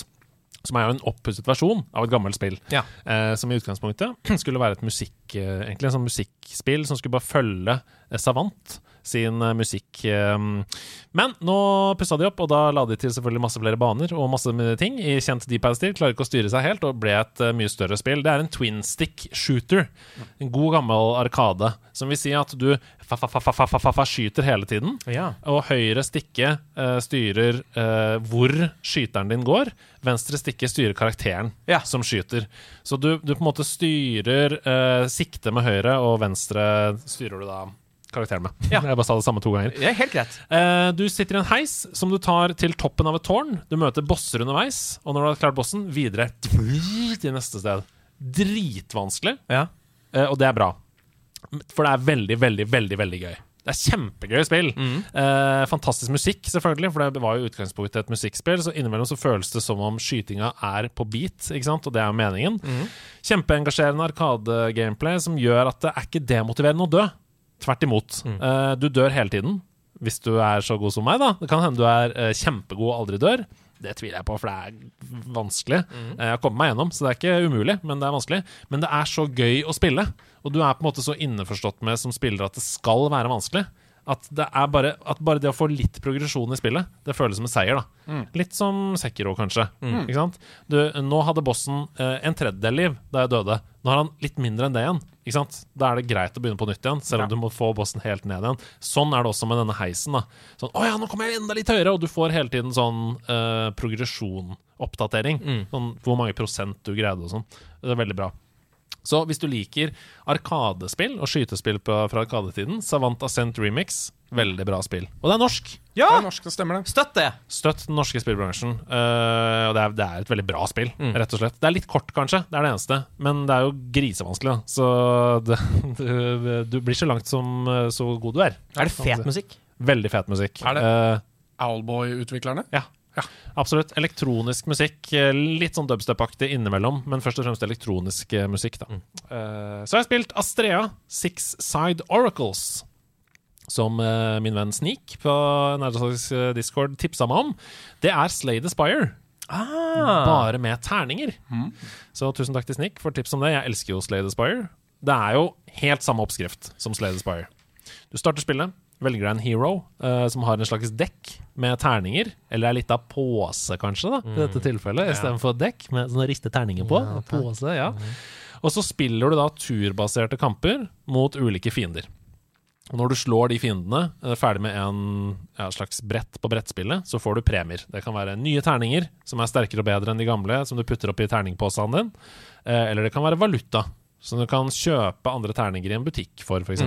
Eller risk reward når du kommer til et sted på kartet hvor det er sånn Vil du bruke 1000 for å ta denne mystery-boksen? og så videre. Så går du oppover et kart. Du tar veivalg som til slutt fører deg til en bosskamp. Akkurat som i Slade Sky Spire. Det som er så spesielt med Astrea-spillet, og som skiller det fra andre spill i sjangeren, det er at det er et veldig veldig kult risk reward-system. Der du bruker din egen helse som et våpen, Oi. på en måte. Du snakka om i stad at i Baldur's Gate 2 så er det bedre jo mindre armor du har. Ja. Det føles litt som det samme Ja. her. Uh, jeg skal ikke gå altfor dypt i det, for det kommer til å bruke altfor lang tid på. Jeg skal forklare det bare litt i overflaten. Men noe av poenget er at du låser f.eks. opp angrepsbonuser når du har mindre HP på karakteren din. Aha! Ja. Så du må hele tiden vurdere da hvor mye risiko er jeg villig til å ta. Hvor lite liv er jeg villig til å ha, liksom. Eh, om du er innenfor det man i Hearthstone kaller for lethal denne turnen. Eh, som vil si at du med de terningene dine du har, de bonusene du har tilgjengelig på hånda og sånn, kan gå for det. Kan jeg gå for det denne runden og ta ut fienden, eller må jeg safe en runde til, liksom. Eh, kjempegøy system. Eh, anbefales absolutt de som liker Slay the Spire, egentlig, hvis du har spilt sånne type spill. Uh, og det ligger en demo på Steam som er lang, så Ja, du kan laste ned helt gratis og sjekke om, sjekke om det er noe for deg. Apropos uh, sjekke om det er noe for deg. Et spill som er absolutt noe for meg. Skyrim. Hello! Hey. jeg har jo snakka høl i huet på alle som har hørt på nederlandslaget om det, så jeg vil bare si at jeg streama det på søndag. Og grunnen til at jeg gjorde det, var for jeg ble så inspirert av at jeg endelig har lagd to deler Sidequest dypdykk i Skyrim. Oi. Der vi snur alle steiner i uh, Tamriel, rett og slett, sammen med vår felles venn Stian Fjell Engen. Ja, Vår Lucio-spillende venn Riktig. i Overwatch. ja. Uh, og første del av den sidequesten, dypdykk i Skyrim, kommer på Patrion for de som har early access der, nå på fredag. Oh. Nå på fredag. Nå på fredag. Så Derfor så ble jeg så inspirert at jeg måtte spille det litt på, på Twitch, og det er mitt ultimate kosespill. Du kan bare starte det, chille litt rundt. Uh, det ble to timer, det. Ja. Ut av ingenting. Har du spilt det i VR med mods? Det har jeg. Det er Og det er en veldig veldig kos opplevelse. Jeg sliter med VR, altså. Gjør du det? Jeg syns VR er veldig gøy, men jeg gidder ikke. Nei? Jeg gidder ikke å rigge det opp. Jeg gidder ikke å sette i gang. Jeg, jeg, jeg kan se den. Jeg er jo, eh, som, som nevnt tidligere, er veldig sånn immersion gamer, så VR er for meg Det er ikke helt der enda, det er det ikke. Men mm, det er eh, potensialet der, altså. Og jeg har eh, tapt noen timer i Skyrim VR, men det må moddes. Det funker ikke hvis det ikke moddes. Sånn som mange andre ting i livet. Ja. Vi skal videre, vi! Ha med, ha med dag. Eh, hey. Ha med ditt belag. For det er ha med dag. Hva har han med i dag? Han Er det? Donkey Kong 2? Donkey Kong Eller kan det være noe som gjør at du får fine sko? Har han med noen lisser som han skal snøre skoene med? Eller har han med en sølvskje på denne ha med dag? Det kan jo være noe annet som gjør at han kan si Hei, alle sammen! Se på meg! Dette spillet gjør meg blid! Andreas Viking, han har tatt med seg en vikinghjelm. Eller har han tatt med seg en fyr som heter Skjelm på denne ha med dag? Er helt riktig, jeg har med en fyr som heter Skjelm. Det er, Yes! eh, Første gang vi har rett. Velkommen til deg, Skjelm Hansen. ja. Hva er det du har tatt med deg på ha med dag? Eh, Jeg har jo ikke med det inn her i studio, da. Det Nei. ligger jo ute i sekken. Ja, det er problem! Ja. Du, vi sitter og tørrprater litt. Ja, Så løper du ut og henter Ja. det i sekken din. Rekker jeg å tisse samtidig? Nei! Det, jo Nei. da, du gjør det. du gjør det Ja. Eh, Løp ut, og så tisser du. Ja. Og så kommer du tilbake med den magiske tingen fra Hamedag. Den er god. Og der kommer han tilbake igjen fra toalettbesøk med en ting i handen. Og hva er det du har tatt med på ha med dag? Mens du var ute, så har du fått skryt i chatten på Twitch her. De skriver 'For en nydelig gjest', skriver de. Så det er veldig trivelig. Det, er, det varmer. Dra det opp av sekken din, og la ballongen gå. Jeg Hva ser du på, Hasse? Jeg ser på førsteutgaven i VHS til filmen Jurassic Park. Na, na, na, na, na, na, na, na. Og der, der ser du Universal-logoen. Man kan se at du har kjøpt den, du har ikke leid den og stjålet den. Jeg, fant, jeg fant noen filmer jeg har gjort det med. Men jeg Ja, det har vi alle gjort. Ja. Wow. Wow. Ok, Jurassic Park. Hasse, du har et veldig spesielt forhold til denne filmen. Du er veldig glad i den. Ja. Uh, fortell, Andreas. Så kan dere snakke sammen, så kan jeg bare kikke og se på dere i mellomtiden. Fortell om uh, Jurassic Park. Hvorfor har du den med? Jurassic Park, uh, for det første, det er en litt morsom historie. Eh, når den kom ut, så var det en eller annen som hadde skrevet i en norsk avis at den var altfor skummel for barn. Tiårsgrensen var rett og slett for lav. Oi! Så jeg fikk ikke lov å se den Ikke av heller. mamma. Men da har du fordelen med å være skilsmissebarn. For jeg fikk lov å se den av pappa. Ja! Og han hadde ikke lest anmeldelsen! Nei, han hadde ikke det. Fantastisk. Men det, det skjønner jeg veldig godt. Men, altså, men, men tenker du at tiårs aldersgrense egentlig er spot on? Ja. Når du ser den? Ja. Den er skummel som et lite Den er, den er skummel, men den er jo ikke traumatiserende. Nei, det er den ikke. Nei, nå får dere snakke for dere sjøl. Hvis jeg hadde sett den da jeg var ti, så hadde jeg traumer den dag i dag. Den T-rex-scenen er utrolig bra. Altså, Ja. det, det her er en helt fantastisk film. Det her er en av grunnene til at jeg egentlig hadde lyst til å begynne å lage film. Selv om jeg ikke har endt den veien. Sikkert pga. prokrastinering og spille TV-spill. Ja. Ja. Uh, men uh, det er morsomt at jeg fant den, da. For jeg har ikke så mye sånne gamle ting. Fordi moren min er så pragmatisk.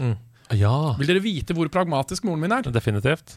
Uh, hun eh, sier ting som Hvis jeg og stefaren min sitter og snakker om noe han har lest i illustrert vitenskap, Ja. nå har vi funnet noe nytt i verdensrommet, Ah, noe spennende. spennende, ikke sant? Ja. Og da er mamma sånn Jeg skjønner ikke hvorfor dere gidder å bry dere om den dritten der. Ja. Hun bare Det har jo ikke noe å si hva som er der ute. Du blir født, og så dør du, og sånn er det bare. Sånn er mamma. Ja. Så hun er også sånn Ja, men det her kaster vi. Er ikke, du bruker det jo ikke lenger.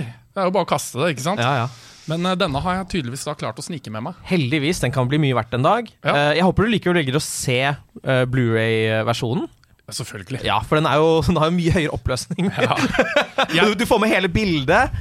Jeg klarer ikke å se ting i vanlig, vanlig Blu-ray engang. Jeg må ha 4K. Samme her. Ja. Det som er så gøy med den filmen, da, er jo at eh, fordi det er jo sånn at De store, flinke regissører De har jo ofte planlagt hvordan de skal eh, legge opp shotsa i en film. Mhm. eh, veldig veldig nøye. De har storyboards osv. Steven Spielberg lagde denne filmen samtidig som han lagde Schindlers liste. Så han hadde veldig veldig liten tid. Og det var veldig, veldig ofte at de kom til en scene, og så hadde ikke han storyboards, og de hadde ikke planlagt hvordan det skulle være. Og på settet så sier han OK, so I think OK, the car goes there. Uh, you can stand here, filling there, just go low. Up there. OK, yeah, I'll do that. Og så, og så bare fordi han er rett og slett en så uh, sterk, genial, eh, visuell uh, forteller, så klarer han på en måte bare å på settet der og da gjøre disse altså, bildene som vi har innprinta i hodet vårt. Helt så bra. Ja. Det gikk ikke like bra i Hobbiten 3, Battle of the Five Armies. Nei. Der det også ikke var noen plan før de begynte å skyte. Nei, det, making off på den er de hadde jo, han, han lager storyboard på sett. Han går ut på sett og bare 'Å nei, jeg får så, jeg lage noe eh, greier, ja. Men ja. Og så sier Peter Jackson mens jeg sitter og jobber med det, bare film noen slåssescener. ja, det, er, det er en grunn til at Lord of the Rings er veldig mye bedre enn Hobbiten-filmene. Og det er ikke Peter Jackson feil! Nei, det er det ikke. Det er det ikke. hele teamet rundt og Ja, ja. fuckings Warner Bros. og hele gjengen. Ok, dere. Takk for en nydelig ha-med-dag. Vi skal videre, vi. Ja.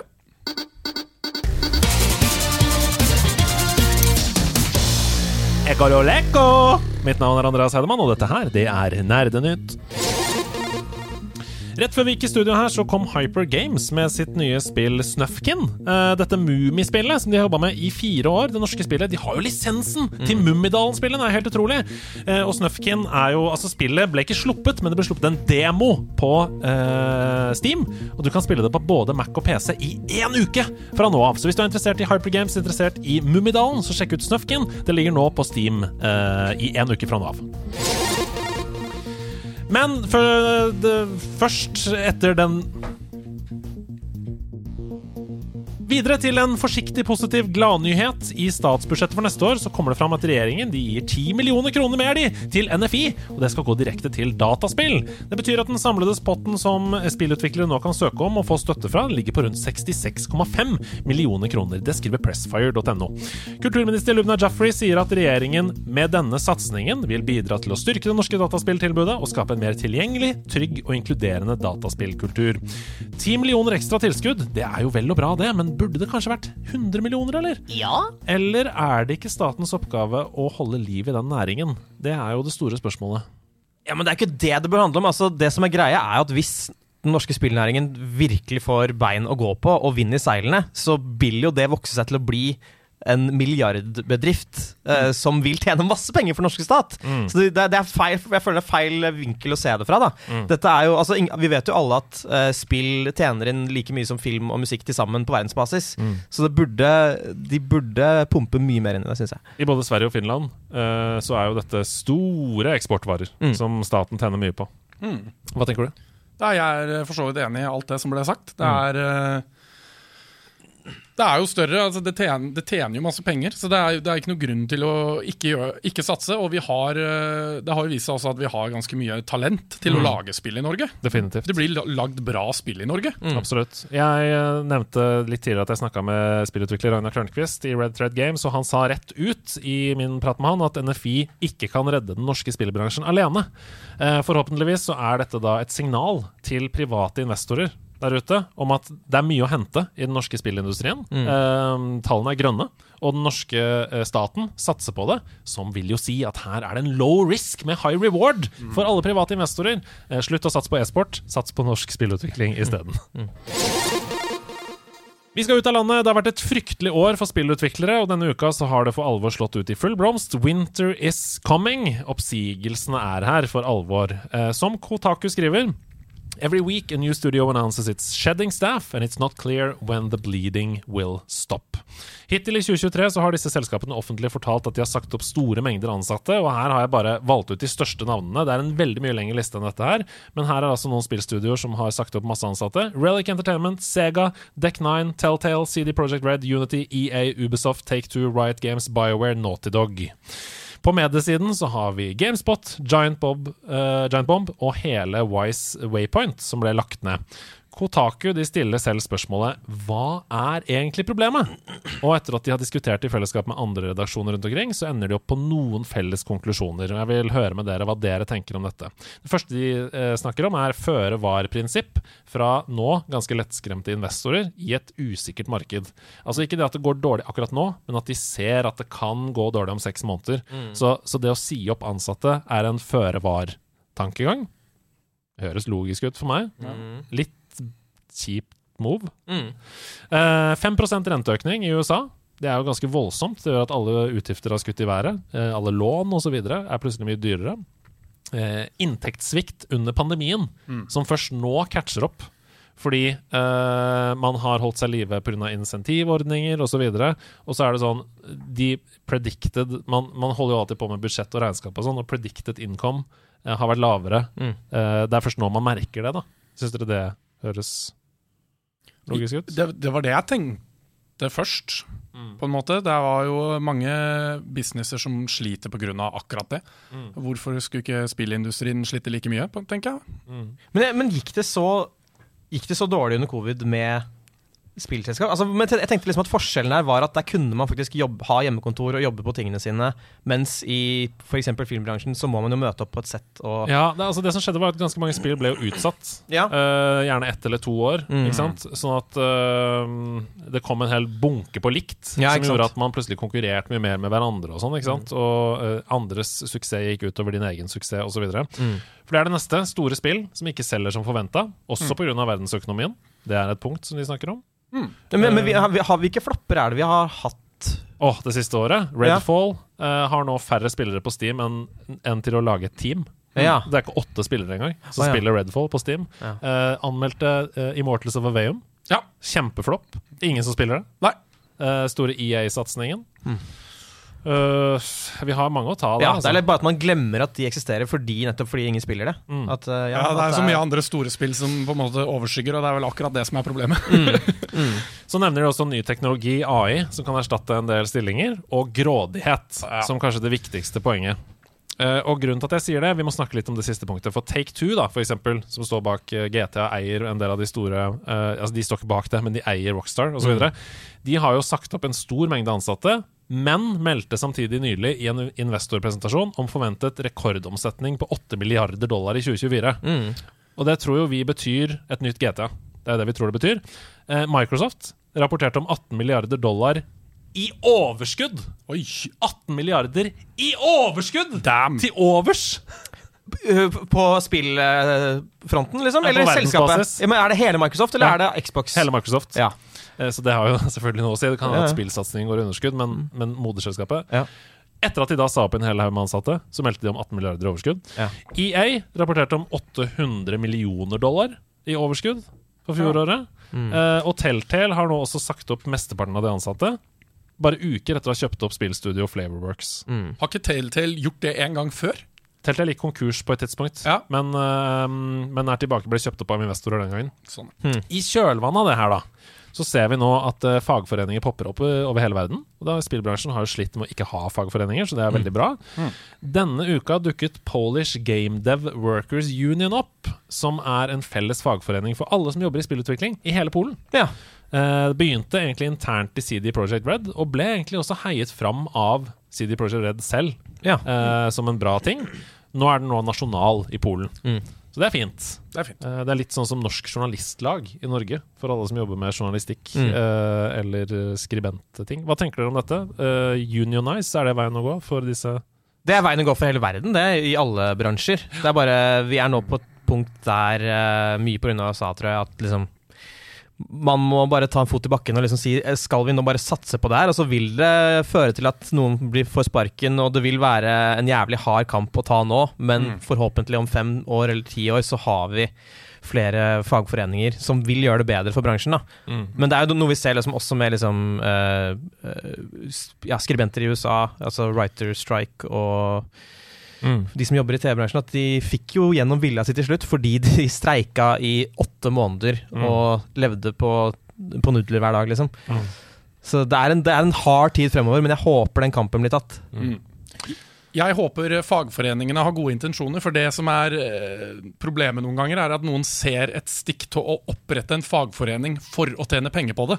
Mm. Det er ikke meninga å være pessimist, liksom, men det, det skjer også, ikke sant? Ja. Det er alltid noen grådige folk som ser en businessmulighet. Ja, ja. Det som er at dette kommer jo fra gulvet, altså Ja, disse initiativene, fra- ja, eh, fordi det er helt u ulevelige forhold for spillutviklere. Så vi må bare tenke at eh, det er de beste intensjoner, og forhåpentligvis eh, at det gir eh, forholdene Altså le bedre leveforhold da, for de som jobber med spill, rett og slett. Så til ukas mest tragikomiske nyhet. Det, dette er Jeg måtte bare le da jeg så det, i forlengelsen av det vi nettopp har diskutert. Tidligere ansatte ved Daedalic, altså selskapet bak Gollum-spillet, som vi anmeldte til 15 av 100 eh, tidligere i år, Og ah, krise, ass. ja, har nå snakket anonymt til det tyske spillmagasinet Game2. Og de sier mange oppsiktsvekkende ting om utviklingen. Jeg anbefaler folk googler det. Men det mest dystopiske av alt, det er at unnskyldningen som selskapet kom med etter at de eh, lanserte dette spillet, og det var helt forferdelig på verdensbasis Selve unnskyldningen ble skrevet av ChatGPT. Herre, ja, da, og går, jeg tror ikke det går an å unnskylde på en mer bedriten måte enn det. Nei. Altså, de, de, ChatGPT skrev denne unnskyldningen. We would like to sincerely apologize for the underwhelming experience many of you have had with The Lord of the Rings Gollum upon its release. We acknowledge and deeply regret that the game did not meet the expectations we set for ourselves and for our dedicated community. Og det er bare noe så sjukt deprimerende med å si 'sincerely apologize' når det er skrevet av en maskin. Det er det minst oppriktige du kan gjøre i verden. Hva slags Black Mirror-greie er det her? Og det er så sjukt, fordi Daedalic, altså selskapet, de sier også at de visste ikke om unnskyldningen før den ble publisert på deres sosiale medier. Det var utgiver Nacon som bare brukte ChatGPT og bare fikk det ut. Det er så sjukt. Nei, det er ikke greit. Men det er morsomt. det er morsomt um, Og det er veldig bra at dette kommer ut, sånn at uh, selskapene føler at dette kan vi aldri gjøre igjen. Uh, sånne ting. The Last of Us Part 2 har knapt fylt tre år, men allerede nå så går det snakk om en ny versjon av spillet. Det skriver gamer.no. Det er nok en gang, helt utrolig, men sant, LinkedIn som er skyldig i å spoile dette. Hvorfor er det alltid LinkedIn? Jeg skjønner det ikke. Jeg snakka om det tidligere også. Spillutviklere, skuespillere osv. er helt sjuke på å oppdatere LinkedIn med prosjekter som de jobber på. Er, er det en annen kultur for LinkedIn? Jeg har aldri vært der, så jeg, jeg, for meg er det bare Det er Ja. sånn, Med en gang de har vært i studio og dubba noe, så er det sånn LinkedIn. Jeg har jobba på et prosjekt som er, er sånn sykt viktig å nettverke Veldig. med en gang. De har jo jobb ja! der og da. Jeg skjønner ikke. Ja, ja. Anyways, den informasjonen om The Last of Us 2 Remastered, som dette spillprosjektet heter, er funnet på LinkedIn sin til Mark Pajarillo, som er outsource-ansvarlig hos Naughty Dog. Han skrev da at han hadde siden 2021 har jobbet med oppussinger av de to første Last of Us-spillene.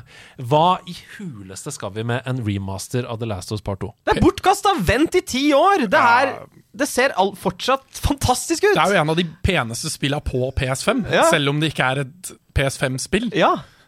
Jeg kan ikke fatte hva vi skal med det. Jeg ser ingen bruksområder. Nei. Det er 60 frames, da. Det er, det Ja, men- er jo PS5-updaten er 60 frames. Ja! Vi trenger ikke det. Vi trengte det på Last of Us Part 1. Fordi Ja, det, det var et ti år gammelt spill. ja, og det gjorde at part 2 og part 1 var mye tettere knytta sammen som én Ja. opplevelse. Men vi trenger ikke en remaster av part 2, altså. Hvor Nei. er det dette kommer fra? Det høres ekstremt unødvendig ut, ja. Og grådig. Og grådig. Jeg håper ingen kjøper det. Nei, please, ikke, ikke kjøp det. Men vi tar med en annen kjapp gladnyhet. CD Project Red de jobber med en live action-TV-serie satt i Cyberpunk 2077-universet. Ja! Og Det skrev de selv i en pressemelding denne uka her. Pressfire.no de melder, og dette blir jeg så glad for å høre, at det er produksjonsselskapet Anonymous Content som skal lage denne serien. Og de står jo bak produksjoner som The Revenant, True Detective, The Nick på HBO, Mr. Robot, for å nevne noen. Good Jeg elsker Mr. Robot. It's a, it's a good company. They make good, good titles. De lager denne serien. Det skal jo da ikke være snakk om en adapsjon av historien i spillet. Ja, men det liker jeg. Ja, En ny historie som er satt i samme univers. Eh, Og prosjektet det gjøres i uh, sitat, tett samarbeid med utviklerne selv. Godt å høre.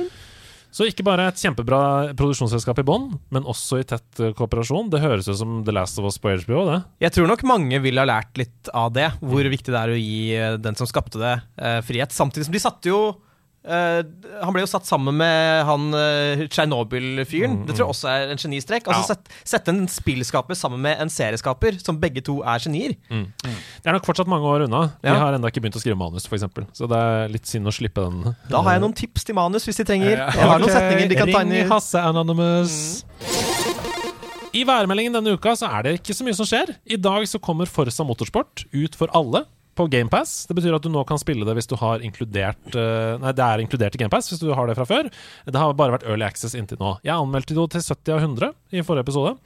Og det er vel egentlig det, faktisk. Alle holder pusten nå, for i neste Nerdnytt, altså neste uke av denne sendingen, da er det tre Triple A-spill å dekke som kommer ut. Oi! Oktober er helt psycho! Shocktober.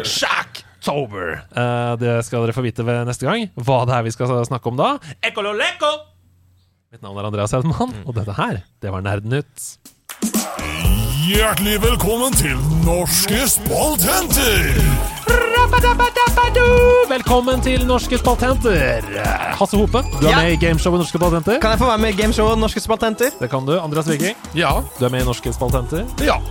I Norske spaltenter, denne spaltenes spalte, der vi tester ut deres innsendte ideer og ender opp med en spalte som får fast plass i nederlandslaget neste år, skal vi denne uka spille Philip sin innsendte spalte. Hei til deg, Philip. Eh, Hei, Philip. Applaus før Gratulerer. vi vet hva DN er. Gratulerer med å bli plukket ut i Norske spaltenter. Philip sin spalte heter Draft Wars. Draft Wars. Ble kulere når jeg sa Ja, det. Draft Wars. Åh, enda kulere. Klarer ikke sånn som deg. Draft Wars det er rett og slett en turbasert battle. En og en av oss skal settes på prøve. Og måten vi gjør det på, det er at én går ut av studio, og to blir igjen.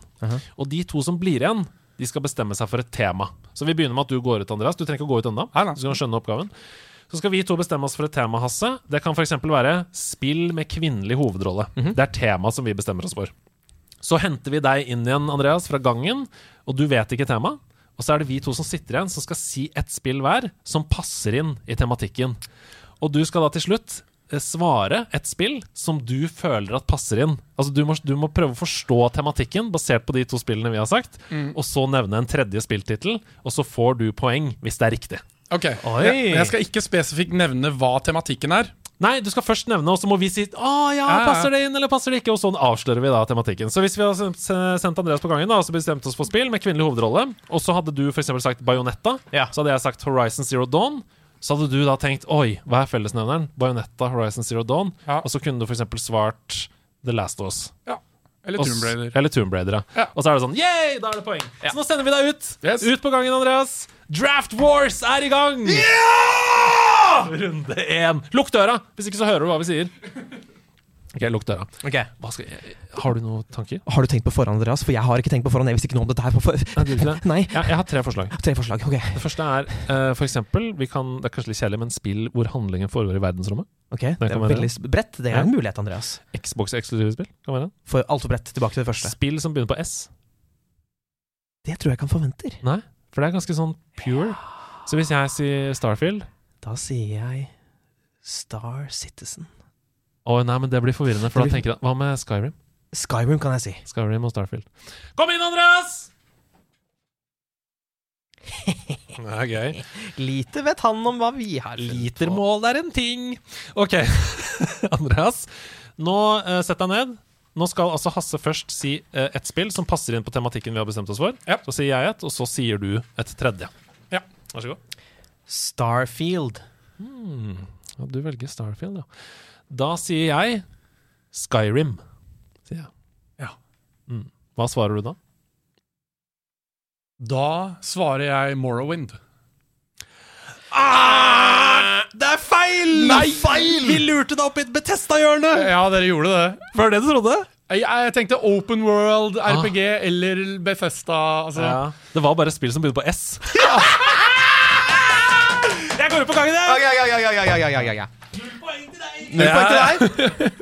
OK, OK, OK. Um, hva, hva om det er eksempel veldig voldelige spill? Mm. Eh, Spill med 18-årsgrense, kanskje? Det er en mulighet? Det går det. Ja, eller er noe, har du noe annet? Det er lettere enn spill på S. Tror men ja, jeg. det tror jeg. Det var, det var veldig kjipt mot deg, dessverre. Og det er hans feil. Ikke, jeg bare sagt det er hans feil. Hva tenker du? Voldelige spill? Vi kan, vi kan kjøre den. Ja. 18-årsgrense. Mm. Okay. Eller bare 18-årsgrense. 18-årsgrense. Ja, det er bra. Mm. Ja. Uh, ok, greit. Har du, har du noen i, i huet? Ja. Uh, ok, greit. Ja, Det er så lure. Nå er jeg spent. Ok, nå er jeg spent på hva dere har kokt opp her. Ok. Hva sier dere? Vil du begynne? Jeg kan begynne. Ja. Fantasmagoria. Hva?! Fantasmagoria? Ok, ja. Er, det med, er det med PH eller F? Det er PH. Ok, Fantasmagoria. The Evil Within. Dere to, altså. Ja Da sier jeg Og da sier jeg Resident Evil. Eneren? Ja. Og grunnen til at jeg sier det, før du sier noe mer, det er at jeg vet at uh, The Evil Within hadde uh, regissøren fra Resident Evil.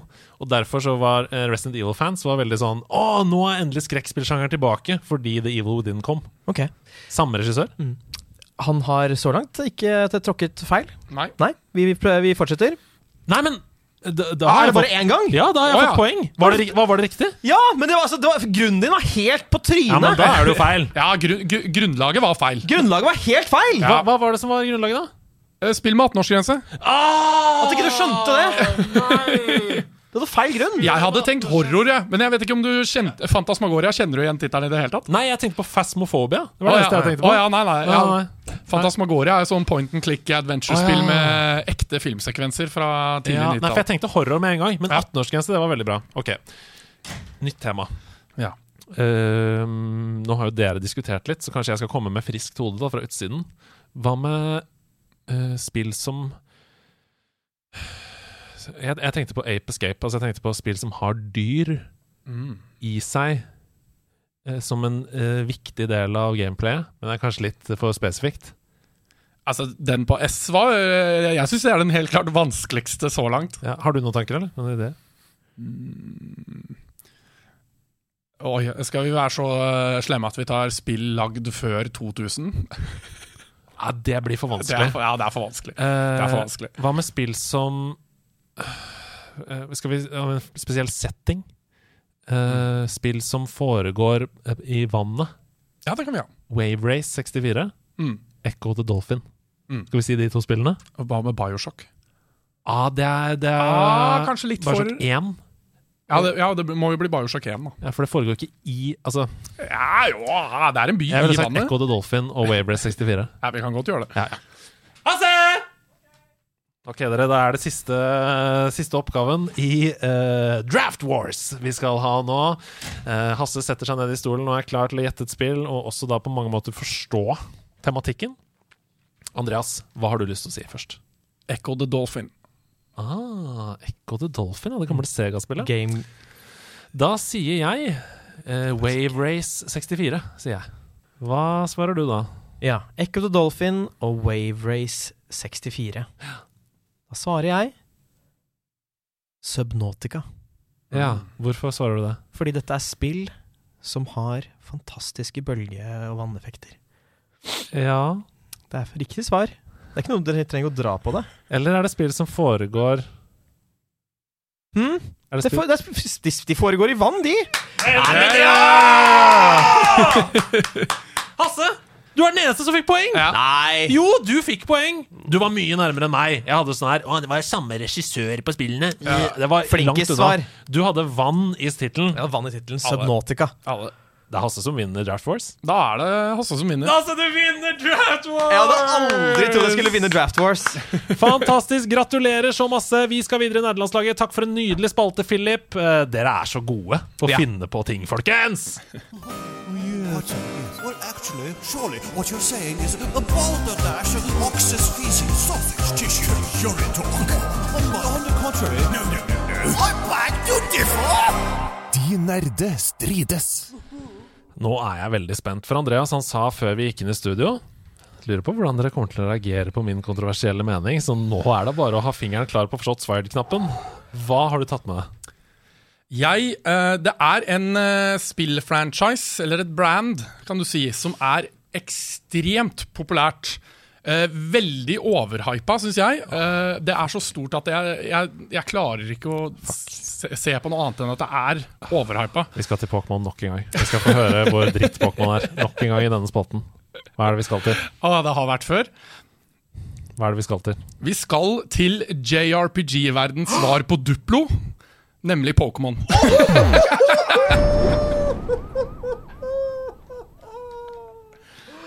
Oi, oi, oi, vet du hvor hardt dette er for Andreas? Hedemann? Altså, denne kampen Vi har fått, vi har fått meningen eh, Pokémon har aldri utvikla seg som spillserie.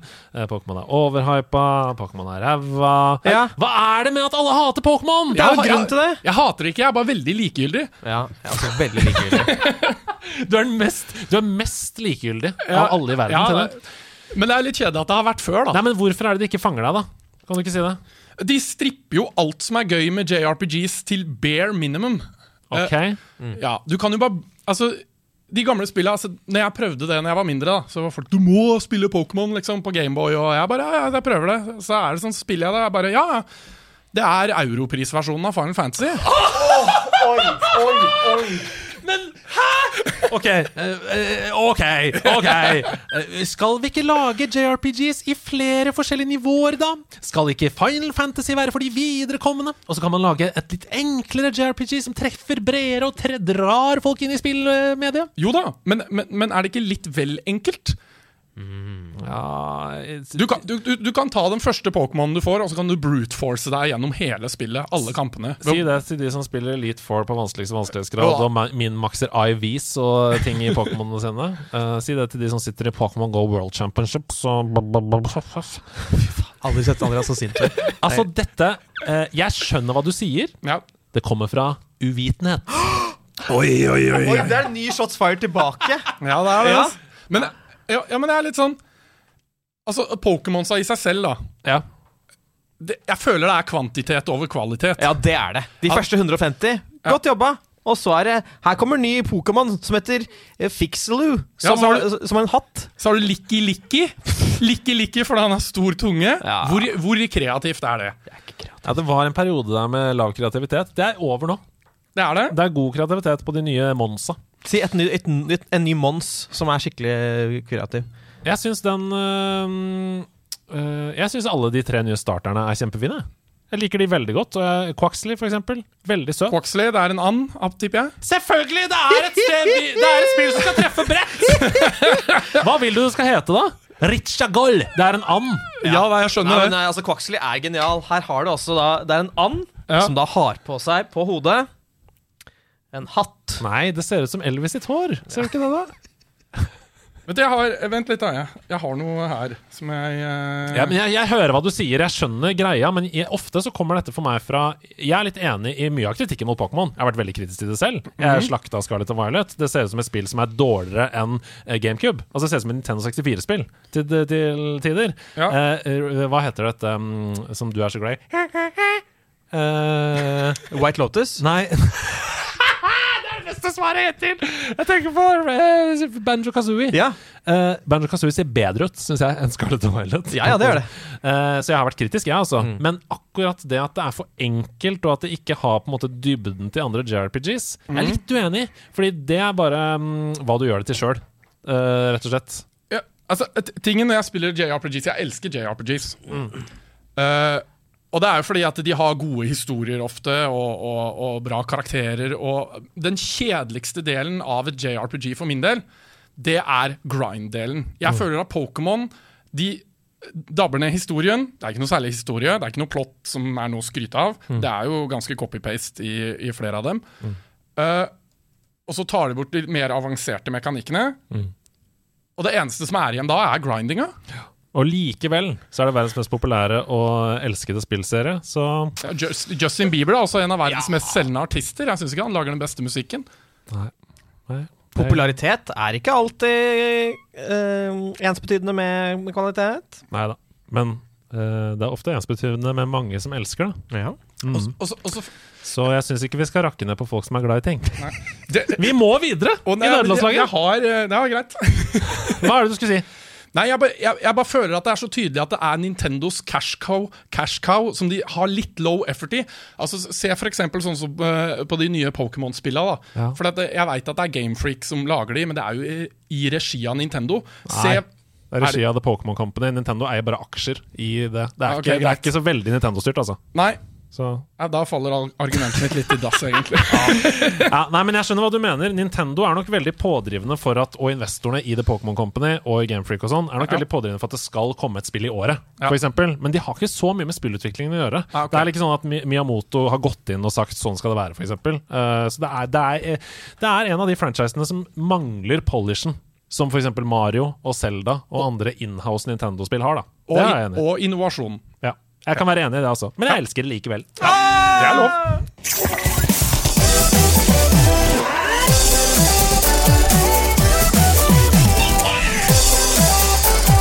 Tears of the Spieldom!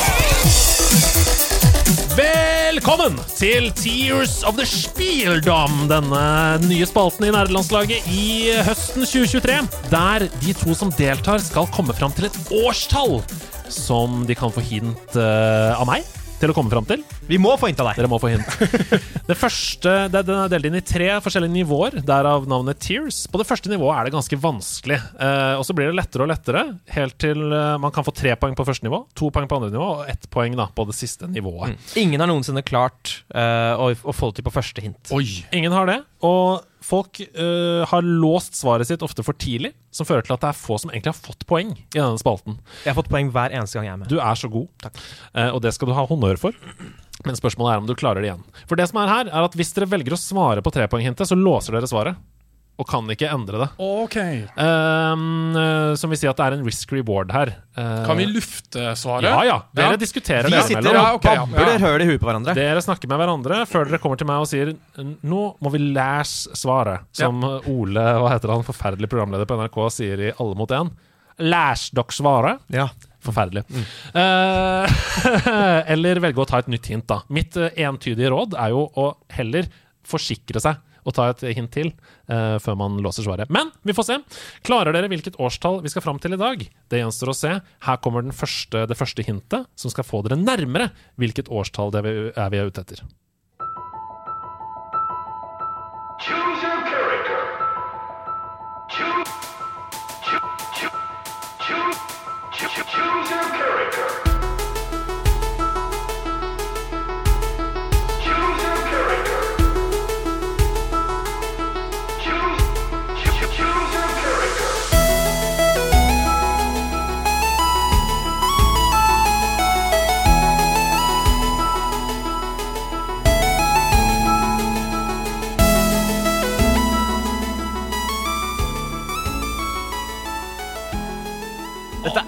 Den musikken høres kjent ut, så klarer jeg ikke å plassere den. Ja. Men uh, Choose Your Character det er Mortal Kombat. ja. Um, men hvilket Mortal Kombat det er? Det er enten 1, 2 eller 3. ja.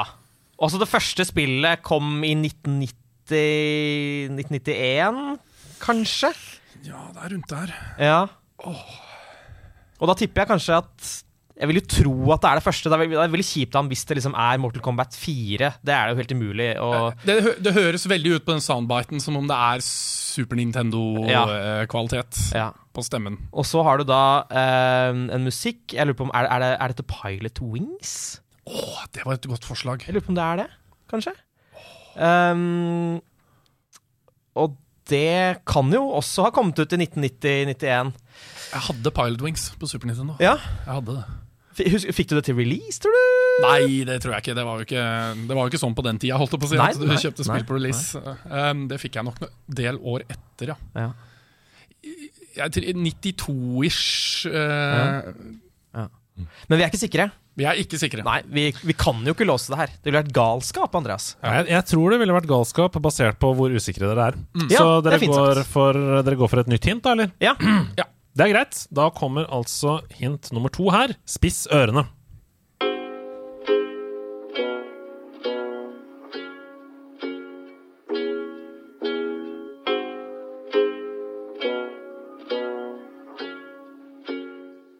Yeah, I'm gonna take my horse to the old town road. I'm gonna ride till I can't no more. I'm gonna take my horse to the old town road. I'm gonna ride till I can't no more. I got the horses in the back, horse stock is attached. Eddie's Matty Black, got the bushes black to match. Riding on a horse, you can whip your Porsche. I've been in the valley, you ain't been up off that porch. Now, can't nobody tell me nothing. Can't tell me nothing. Can't nobody tell me. Jeg ble nesten mer usikker. Jeg ble veldig mye mer usikker. uh, han, han spilte Old Town Road av Lill Nas X featuring Billy Cyrus. Eh, Og den låta kom jo for sånn tre-fire år siden, så det, er, det, er ikke, det kan jo ikke være noe hint der. Altså, det, altså, det, Jeg må være i teksten på sangen. da. Ja. sangen, da. Ja, eller er det hvem vi hører? Ja, nei, vi hører jo Lill, Lil, Nas X. Er det året han ble født, eventuelt? Som uh... Jeg kan avsløre at vi ikke hører Lil, Lil Nas X, og vi hører ikke Billy Ray Cyrus. Jeg vet ikke. Jeg Å ja, det var en cover? Oh. ja, det, var, hadde ikke, det har ikke jeg i stand til å høre. Dere kan få den en gang til, og så kan dere tenke på det. At det var en cover. Yeah, I'm gonna take my horse to the old town road. I'm gonna ride till I can't no more. I'm gonna take my horse to the old town road. I'm gonna ride till I can't no more. I got the horses in the back, horse stock is attached. Eddie's Matty Black, got the boosters black. Ja, dette er jo stemmene fra Red Dead Redemption. Det er eh, Jeg lurer på om det er Arthur Morgan eh, At det er toeren. Enig der. Ja. Eh, spillet har jeg spilt veldig mye, så den burde jeg egentlig ja. Og det er, det, er, det er 2018, Det er, 20... eller? det er samme år som God of War, Ja, ikke? Det er 2018, ja. Uh, jeg bare skjønner ikke hva det hadde med det første vi hørte. Det var liksom Er det uh, Hvordan er det 2018? Um, choose your Choose your character. character. Det er veldig, veldig pussig. Dette er veldig rart. Ja. Jeg føler vi er, vil dere ha et hint til? Ja, for jeg føler liksom hint én og hint to. de er, er i forskjellige tiår. Ja, det er to verdener. Ja, men det er interessant. Jeg kan avsløre eh, hva hint 3 spilte på eh, til slutt, når vi har kommet til mål. Eh, veis ende av denne oppgaven. Men ønsker dere å gå for å låse et eh, årstall, eller gå for et hint til? Jeg eh, klarer ikke å låse, låse et årstall basert på det her. Altså. Nei. Ok, Da kommer siste hint. Her får dere ett poeng hvis dere klarer det på dette hintet. Dette året vi skal fram til, det byr på nedturer og oppturer for spesielt Hasse. For selv om Telltale Studios går konkurs og stenges, som på denne tiden er et av Hasse sitt favorittstudioer, øh, men blir kjøpt opp da og åpner igjen, så slippes også et av Hasses absolutte favorittspill, Return of the Obra Dinn, til unison hyllest over hele verden dette året. Mm. Og det er 2018, ass. Obra Dinn eh, er veldig usikker på når det kom. Um, og eh, hvilket år Telltale gikk konkurs? Er det så kort tid siden? Jeg føler at det er lenger siden. Ja Men det er ikke sikkert det er det. For dette, det er liksom de der covid-åra etter der, og det bare det Ja. scrambler hjernen min helt fullstendig. Det gjør det. Ja. Jeg tror vi trenger et svar her. Velger dere å låse noe av dere dere har tenkt på hittil, eller skal dere gjette på noe helt annet? Altså, jeg vet at det, eh, det, var ikke, det var ikke 2016, for jeg vet at eh, altså, jeg snakket masse med Andreas om, Ard, om Red Dead Redemption 2. eh, et, altså, det var, og I 2016 så ble Andreas og jeg eh, Vi gjenfant hverandre. Mm. Vi ville aldri snakket om det spillet i 2016. Vi Ja. hatet hverandre. Ja. Um, jeg, jeg, er ganske sikker på at det er 2018, ass. ja. Jeg er, eh, jeg blir på den. Da låser dere 2018. 2018 er låst. Jeg har ikke tenkt å holde dere på pinebenken. Det er riktig! Ett poeng til Tears of the Spieldom-oversikten på nerdelandslaget.no. Dere ryker opp på listene! Gratulerer med ett poeng! Yes. Det første vi hørte i trepoeng-greia, det Ja. kan dere få høre en gang til. Dette er. Smash Bros Ultimate. Oh. hø lydkvaliteten høres ikke ut som Smash Bros Ultimate. Og det er fordi jeg har tulla med Du lydkvaliteten. er, du er en djevel! Du kan ikke holde på sånn! Det lydsporet vi hører i bakgrunnen, som er fantastisk Jeg hadde også ringetone en stund,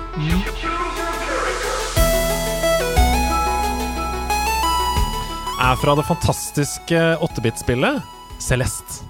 Ah. Det er Lena Rain som har lagd den utrolige musikken, som nettopp hadde foredrag i Oslo. Eh, fantastisk. Men gratulerer! Dere har fått ett poeng i Tiersdagsspillet! Ja! da.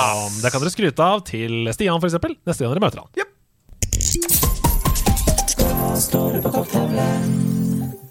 Jeg trenger tips fra nerdelandslaget. Jeg skal gifte meg til neste år, og jeg har lyst på noe gøy underholdning i bryllupet som får fram gamersiden av meg. Eh, jeg har kommet fram til en slags IRL Mario Party-lek, der eh, utvalgte gjester konkurrerer i forskjellige minigames i bryllupet. Men her trenger jeg hjelp fra dere. Hvilke minigames kunne funka IRL? Skapt latter og god stemning blant gjestene. Det sier Kadelin. Hei til deg, Kadelin. Gratulerer med giftermål. Eh, hva slags minigames? Innenfor Mario Party-universet. Ja, ja, det trenger jo ikke å være det, men jeg tenker jo med en gang sånn Jeg har spilt veldig mye Mario Party, og jeg tenker jo sånn uh, Tautrekking, det er jo gøy. Det er Ja. gøy. Ja. Det er moro. Hva er det det heter? da? Det heter Tug of War fra Ja. Mario Party 2 eller noe sånt. Jeg gjør det ofte bra i tautrekking. Ja, du er en svær gutt. Um, men det er også gøy med sånn farger som skal i forskjellige beholdere, for eksempel. Jeg, jeg liker den derre når, du- når du går opp, og så er det én som uh, lyser, og så er den personen ute. At det er random hvem av de som lyser opp. Ja. Det er gøy, for det, er sånn, det har ingenting med skills å gjøre, det er bare ren flaks. Bare flaks, ja. Ja. ja, det er deilig. Ja, Det kan være fire lanes, på en måte hvor man må velge seg en av de fire lanesene, og så lyser én lane, og alle Ja. som står i den, ryker. Det er helt random hvilken lane som lyser. Det er gøy! Ja, det er gøy. Så er det flagggreia, der det står én person med flagg, og så eh, må man ha, eh, veive de samme to flaggene når den personen har stoppet. Ja, den som er sist, den ryker. Ja. Det er Mario Party. Jeg hadde lyst til å foreslå en slags blanding av postsortering fra Flåklypa. da Og altså det som jeg sa innledningsvis At Si at det er en beholder og over som det er masse farger i. Fluff, faller ned på gulvet. Og så skal det ø, opp i en bøtte med riktig farge, f.eks. Ja, jeg vet ikke helt hvordan det kan løses, men et eller annet sånt. Ja, ja, ja. ja, ja. Postsortering. noe sånt. Postsortering. Kykelikokos-aktig. Ja. Jeg syns det var mange gode tips her. jeg. Ja. Eh, noe, det er alltid også gøy med noe å kaste ting. Altså kaste på en blink så noen faller ned i vann, f.eks. Ja, eksempel det er gøy. Sånn som er på tivoli. ja, det er gøy. Da må du gjøre det om sommeren. Ute. Kanskje bruden må sitte på en sånn planke og så «Ih, falle ned når noen treffer. Det er gøy. Helst ikke i brudekjolen, kanskje. Nei. Helst i brudekjolen! Oi! Nei, kanskje det blir ødelagt. Det er mange penger på spill. Ja, Det er det. Få en uh, Europris-bryllupskjole, da. Akkurat, da. Isak han spør hvilket spill syns dere har vanskeligst valgmuligheter? Du er jo veldig RPG-person. Ja. Eh, For meg er det Fallout New Vegas, sier Mm. Isak. Og Ja. valg, av valgmuligheter av hvilken type da? Nei, sånn, Skal han leve eller dø? Skal du gifte deg eller skille deg med den personen? Eh, skal du være ond i den situasjonen, selv om du egentlig bør være god eller fortjener Altså at man, Ja. Sånne endelige valg som forandrer historien. Ja, men Må det forandre historien? Fordi jeg føler jo også, altså for eksempel, Et eksempel er jo Bioshock. Der får du jo det samme valget veldig mange ganger. Som er vil, altså Det kommer en sånn liten eh, jente der du enten kan få en eller annen sprøyte som gir deg liv, eller så dør jenta. Oi, ja, det er Eh, sant. og det har ikke noen følger for historien, men du må ta det valget hver gang, og det er vondt å ta det valget hver gang. Det endrer slutten. Endrer slutten? Det gjør det. Det hadde jeg glemt. Da passer dette veldig godt inn. Jeg svarer det. Jeg svarer Baldur's Gate 3. Jeg syns det er uh, grusomme valg ganske mange ganger Ja. i det spillet. Også bare sånn helt på sånn uh, forholdsmessig nivå. Ja. Uh, det kommer en karakter som har lyst til å ligge med deg, og så er det sånn Jeg vil ikke det, men jeg er glad i deg. Jeg har ikke noe lyst til at du skal bli Jeg vil bare være venn med deg. Altså, det er vanskelig. Ja. vanskelig. Det er jeg tenkte jo Baldur's Gate 3, jeg òg. Ja. Jeg har lyst til å ha litt sånn unikt svar, men Ja, det, er, ja. det, er, det er jo på en måte altså Baldur's Gate 3 gjør det så mye bedre enn mange andre spill i samme sjanger. da Men eh, jeg kan si Life is Strange. Oh, Fint. Godt svar. Godt svar. Enig. Jeg syns også at uh, spillet som nevnes her, Fallout New Vegas, er jo Ja. Ja. eh, prime Absolutt. eksempel. Og Walking Dead av Telltale, første spillet der. Mange valg som er vonde, og som jeg må leve med den dag i dag. Ja. Hva syns dere om crossovers i spill? Det er jo mer og mer av det. Både litt mer subtile Bloodborne-inspirerte outfits i Ghosts of Tsushima, til Ninja Turtles X Street Fighter, Warner Bros-karakterer i Mortal Kombat, og til ytterpunktet med Fortnite og Nicki Minaj i COD. Er det fun, eller er det bare pengefact? Sier Sondre. Jeg syns det er immersion breaking. Ja, Ja, det syns kan- Det kan det være, ja. Ja, ja. Ja. interessant. Det er jo ikke alle spill som belager seg på å være immersive. Nei. Uh, Fortnite jeg bryr meg ikke så mye om det er med The Rock og sånn i Fortnite, på en Nei. måte, for det er ikke akkurat et Men i Ghost of Sushima, da, for eksempel. Nicki Minaj i Ghost of Tsushima. Ja. Det, det hadde jeg hata ganske greit. ja, ja. Jeg, jeg, jeg liker det nesten alltid utelukkende, fordi jeg mener at det tar spillmediet på alvor. Altså Da kommer de store kreftene da eh, inn og sier sånn Ei, vi vil også være her. Eh, og allmennheten blir på en måte inkludert. Popkultur, sånn konsert med Drake og sånn i Fortnite, det digger jeg. da Ja, Så Det er dritfett. Men, men det er et godt poeng at uh, i historiedrevne spill så er det fint uh, Hvis det gjøres, så må det på en måte gjøres på en organisk måte. Da. For eksempel sånn som I Uncharted 4 så sitter jo eh, Nathan Drake og spiller Crash Bandicoot på sofaen sin, som er et Naughty Dog-spill. Og det, er ikke, altså, det kunne han gjort. Det, er ikke noe, det ødelegger ikke for min del. Nei. Nei, for meg er det nesten omvendt. ja, ikke for det betyr at dataspill eksisterer i den verden. Ja, Som- Og da gjøres det organisk. Ja. Ja. Det kommer veldig an på spillet. Kommer veldig an på spillet. Ja, men jeg syns også det er et poeng som Sondre har her. Er det bare pengefact? Altså Det er åpenbart drevet av I Fortnite, ja. eh, av sånne ting noen ganger, da. Men hvis det kommer innenfra, et genuint ønske om at spillutvikleren har lyst til å gjøre noe kult med en annen serie, sånn som at plutselig Shredder fra, eh, fra Turtles er i et slåssespill, f.eks. Kult. Du har alltid hatt lyst til å fightes som Shredder. Ja, ja, men det er jo sånn som i Mortal, eh, nye Mortal Kombat, hvor de har Homelander og um, Ja, Sånne det ting. er gøy. Ja, det er gøy. Det er gøy, for han, pa han passer i det universet. Ja. Ja. Vi tar det siste spørsmålet her over, fra Glenzarn, som jeg syns er veldig interessant. Etter at du har fått rulleteksten i et open world-spill, så er det ofte mulighet for å spille etter du er ferdig. I noen spill så bygger de questene videre på det som skjedde etter siste boss har falt om, og på en måte verden forandrer seg, mens andre later som ingenting har skjedd, og du starter opp igjen med siste save rett før bossen, gjerne at savefila da har en stjerne bare, for eksempel, og så kan du ta bossen uendelige ganger, da. Hvilken av disse foretrekker dere, av de to versjonene?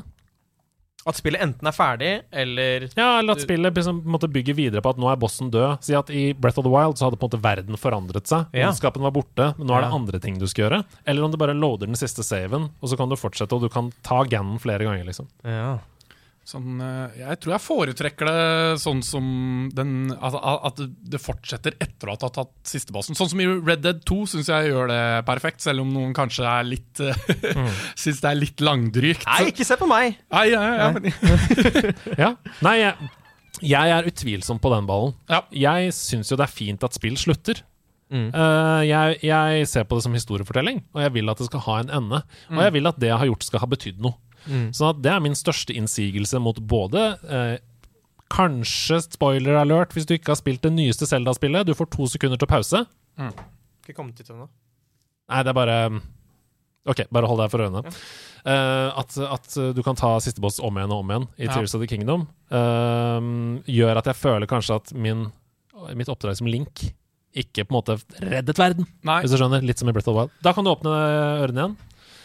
Eh, og det samme gjelder også da uh, Immortals Phoenix Rising Mm. og lignende spill.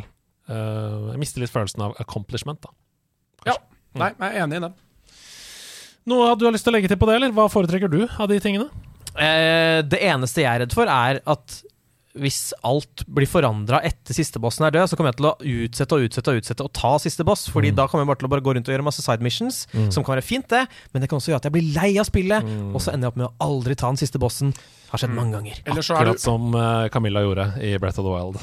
Aldri ta siste boss. nei. Eller så er du super overpowered når du kommer til siste bossen, og så blir det en lek, og så blir det veldig antiklimaks. Jepp. Nei, det er vanskelig, dere. Men uh, det som er sikkert og visst, er at uh, dere stiller oss gode spørsmål hver uke. Fortsett med det, sånn at vi kan lage godt innhold. Hmm.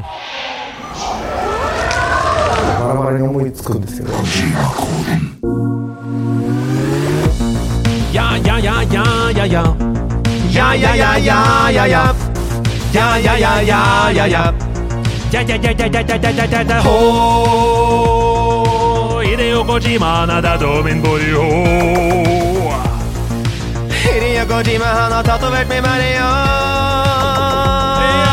Hideo Kojima, nada domin bori ho.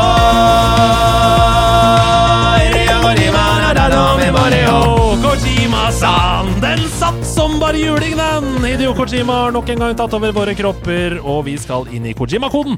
Der hvor dere må samarbeide for å løse Hidio Kojimas rebus. Hvilket spill er det vi skal fram til som skjuler seg i rebusen? Mm. jeg er først ut denne gangen. Hidio Kojima har tatt over min kropp. Da må dere samarbeide. Så er det Hasse til slutt, og da må vi samarbeide.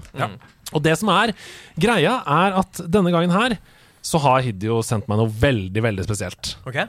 Det er nesten så jeg tenker at vi må jobbe sammen alle tre. For å skjønne hva dette er. Ja. Uh, og jeg, jeg tror ikke jeg trenger å si noe særlig mer enn at dette er den første lydfila som bare dukka opp i innboksen min denne uka. Hidio. Uff, jeg vet ikke hva dette er, men, eh, men prøv å skjønne Hva er det vi skal til her?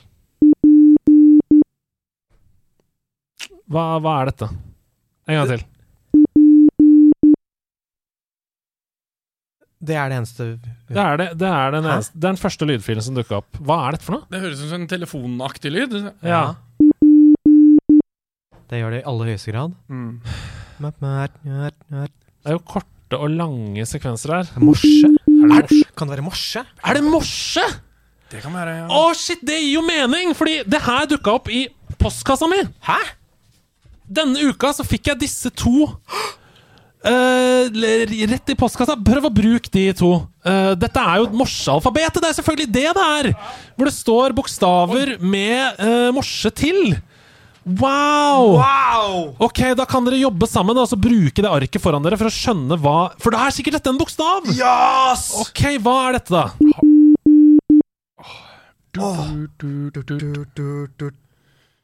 Jeg tror dette er en J, for det er en, det er en prikk. Det er kort. Lang, lang, lang, lang. Lang. Er det det? Nei. Ja, men er det ikke Jeg tror det er ku, jeg. Eller Jeg kan ikke lese. Jeg har aldri lest morse. Det er vel Det er P. Er det det, ja? Kort, lang, Kort, lang, lang, ja, kort. En gang til. En gang til. Ja. Kort, lang, lang, kort. Det er P. Enig. Ok, da går vi videre til neste lydfil som lå i, i uh, min innboks. Ok. Det er kort. Lang, kort. Men hva kan det være for noe? Wow. Hæ? Kort, lang, kort? Er det K? Kort, lang, kort. Nei. Det er R! Er det R? R! Kort, lang, kort. Ja, der, ja! Er Kort, det lang. det, ja? Herregud. hvis Ja, K er jo motsatt. Hvis folk sitter hjemme nå og eh, Ta så Google morsealfabetet, da, så Ja. kan dere gjøre, være med å gjette selv. Ok, Kort, lang, kort. Greit. Ok, da er R. PR. Ok, da tar vi neste. Oi. Er det Så det er, det er bare en kort en. er E, da? Er det E? Er det det det står? Få se. Er ikke E en kort? Ja, det er det, ja! Ja. PRE. PRE, men det er jo ikke noe spill. Ok, hva er, Her er en lydfil til. Kort, lang, kort, kort. Lang, kort, lang, kort. Lang, kort, lang, kort. Nei. Nei. Lang, kort, lang, lang. Lang, kort, lang, lang. Lang, kort, lang, lang. Lang, Kort, lang, lang. Lang, kort, lang, lang. Y? Det er Y! Hva, hva er det, da? Pray! Det er Pray! Wow! Det er spillet Prey forkledd i morsekode! Wow! Wow, Hideo Kojima. Du er en mester! Ja, du er en mester. Takk for at du gidder å liksom, lage to morsealfabeter til oss. Helt utrolig. Jeg hadde Ja. litt læringskurve, men jeg klar, klarte det. Ja, men til slutt Wow, satt, ass. spillet Prey, altså. Ok, men eh, da, da løste vi den. Veldig bra. Veldig bra. Hva, hva, hva har skjedd med deg denne uka? Du, Hideo Kojima har tatt over kroppen min og min body. Oh. Wow. Um, og han har gått litt annerledes til verks her. Ja. Uh, her er rett og slett det er delt i tre. Ja. Og det dere skal få høre, er tre lydhint. ja. Hvert hint er et hint til ett av ordene i tittelen på spillet. Ok. Og tittelen på spillet er ganske langt, så det er ikke sånn at alle ordene vil være representert. Nei. Men de viktigste ordene vil være det. Ok. Um, dere kommer til å få høre det første uh, først, og så kan dere prøve å gjette etter det. Det vil være veldig vanskelig. Jeg sier det bare. okay. Men ja. Da får vi um, bruke våre musikalske skills da, til å Ja. forstå hva dette er. På noen av hintene så har jeg blipa ut ordet, og da er det det ordet som er i tittelen. Men ikke alltid. Ok, Ja. greit. Da får vi prøve å lytte. Ikke alltid. Så først, i, her i del så har ingenting blipa ut, men ordet er assosiert med det dere får høre.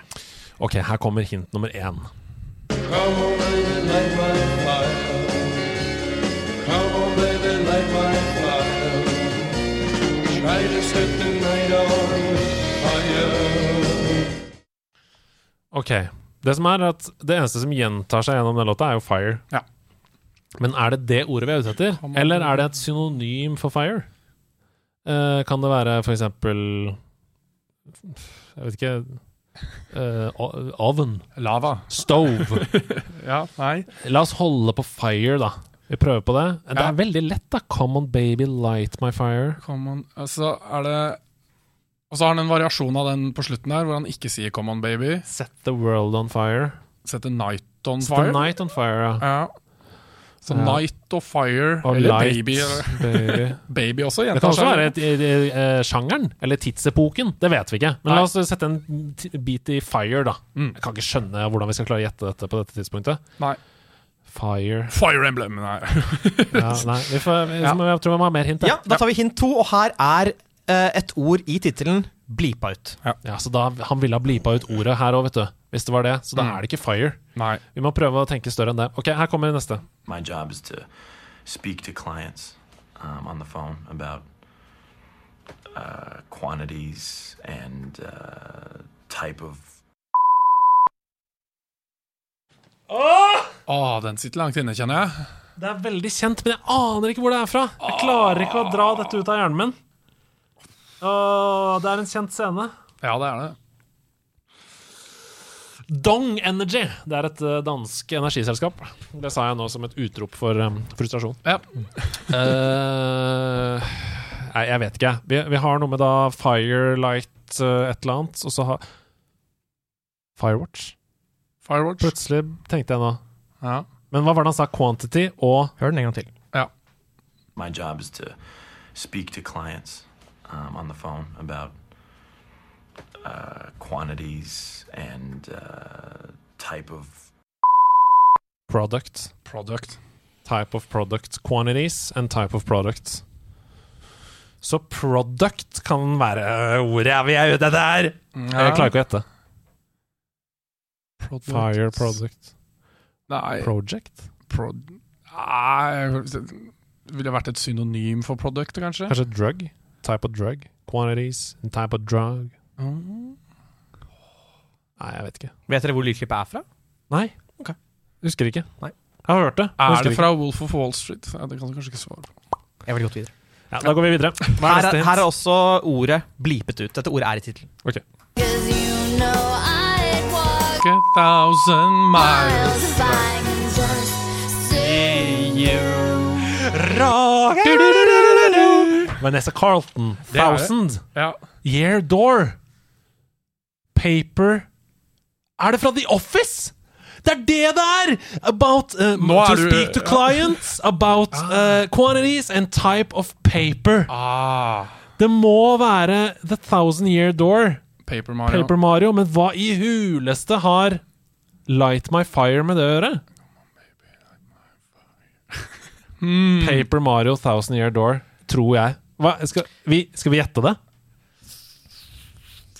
Jeg kommer ikke på noe annet som er Thousand i tittelen, og Hasse skal anmelde Paper Mario Thousand Ja, Year nei, nei, du har et godt poeng. Det er veldig få ting som har thousand Og det i må være fra Office. Ja, det, det kan, være- jeg, har ikke, jeg har ikke sett så mye Office. Jeg har bare sett klipp på nettet, egentlig. Um, Jeg husker scenen. ja. Talk to clients about quantities. Det er både i den engelske og den amerikanske. Ja. Uh, paper og, og Thousand. Det blir, for, det blir for nære Paper Mario Thousand Year Door. Jeg er enig. Vi gjetter det. Ja. Hør på siste hint. Ja. Happy New Happy New Og hint én er gruppa The Doors! Oh! Det er Paper Mario The Thousand Year Door! Ja, ja, ja, ja. Ja, Hasse, du er så flink på dette. Eller Hidio Kojima, da. Du er så flink på dette, Hidio. Takk for at du gir oss disse Tusen rebusene. Utrolig bra. Åh, da er vi kommet til veis ende, vi. I nederlandslaget. To timer med deilig nerderi. Ja. Veldig, veldig gøy. Eh, tusen takk til deg, Andreas Viking. Ja, det var bare hyggelig. Hvor kan vi se mer av deg? Det er på Level Up sin YouTube-kanal. da Mhm. Der er det lage Early Access-magasinet. Mhm. Prøve månedlig. Det er ikke alltid det går. Uh, men uh, så har jeg Jeg har vel flere spillanmeldelser, tror jeg, enn Ja. jeg har Early Access-episoder. Hvilke spillanmeldelser av deg kan vi se ute? Ja, det er jo Baldur's Gate 3, da. Uh, skal vi se. uh, hvem er det jeg er mest fornøyd med? System Shock-remaken. Den, Mm. uh, den er jeg ganske fornøyd med. Den syns jeg er litt kul. Du anmeldte jo dette Immortals of Aveum-spillet. Det gjorde jeg. Ja. Kan man også sjekke ut. Jeg kan... Ikke Anmeldelsen er ikke middelmådig, men spillet er Ja. ganske middelmådig. Jeg legger mer arbeid i uh, kongespill. Ja. Uh, det gjør jeg. Du må komme tilbake, Andreas, fordi Hasse, jeg har lyst til å snakke med deg om anmeldelser. Spesifikt. Om det som fag. Ja. Jeg har lyst til å lage en sidequest om bare det. Hva man tenker om anmeldelser, hvorfor det er viktig, hvorfor det kanskje ikke er viktig i 2023. Eh, om det er ren subjektivitet, eller om det er noe objektivitet i det også. Jeg har lyst til å snakke med deg om det. Ja, Kom tilbake, så lager vi sidequest om det. jeg er gjerne med på det.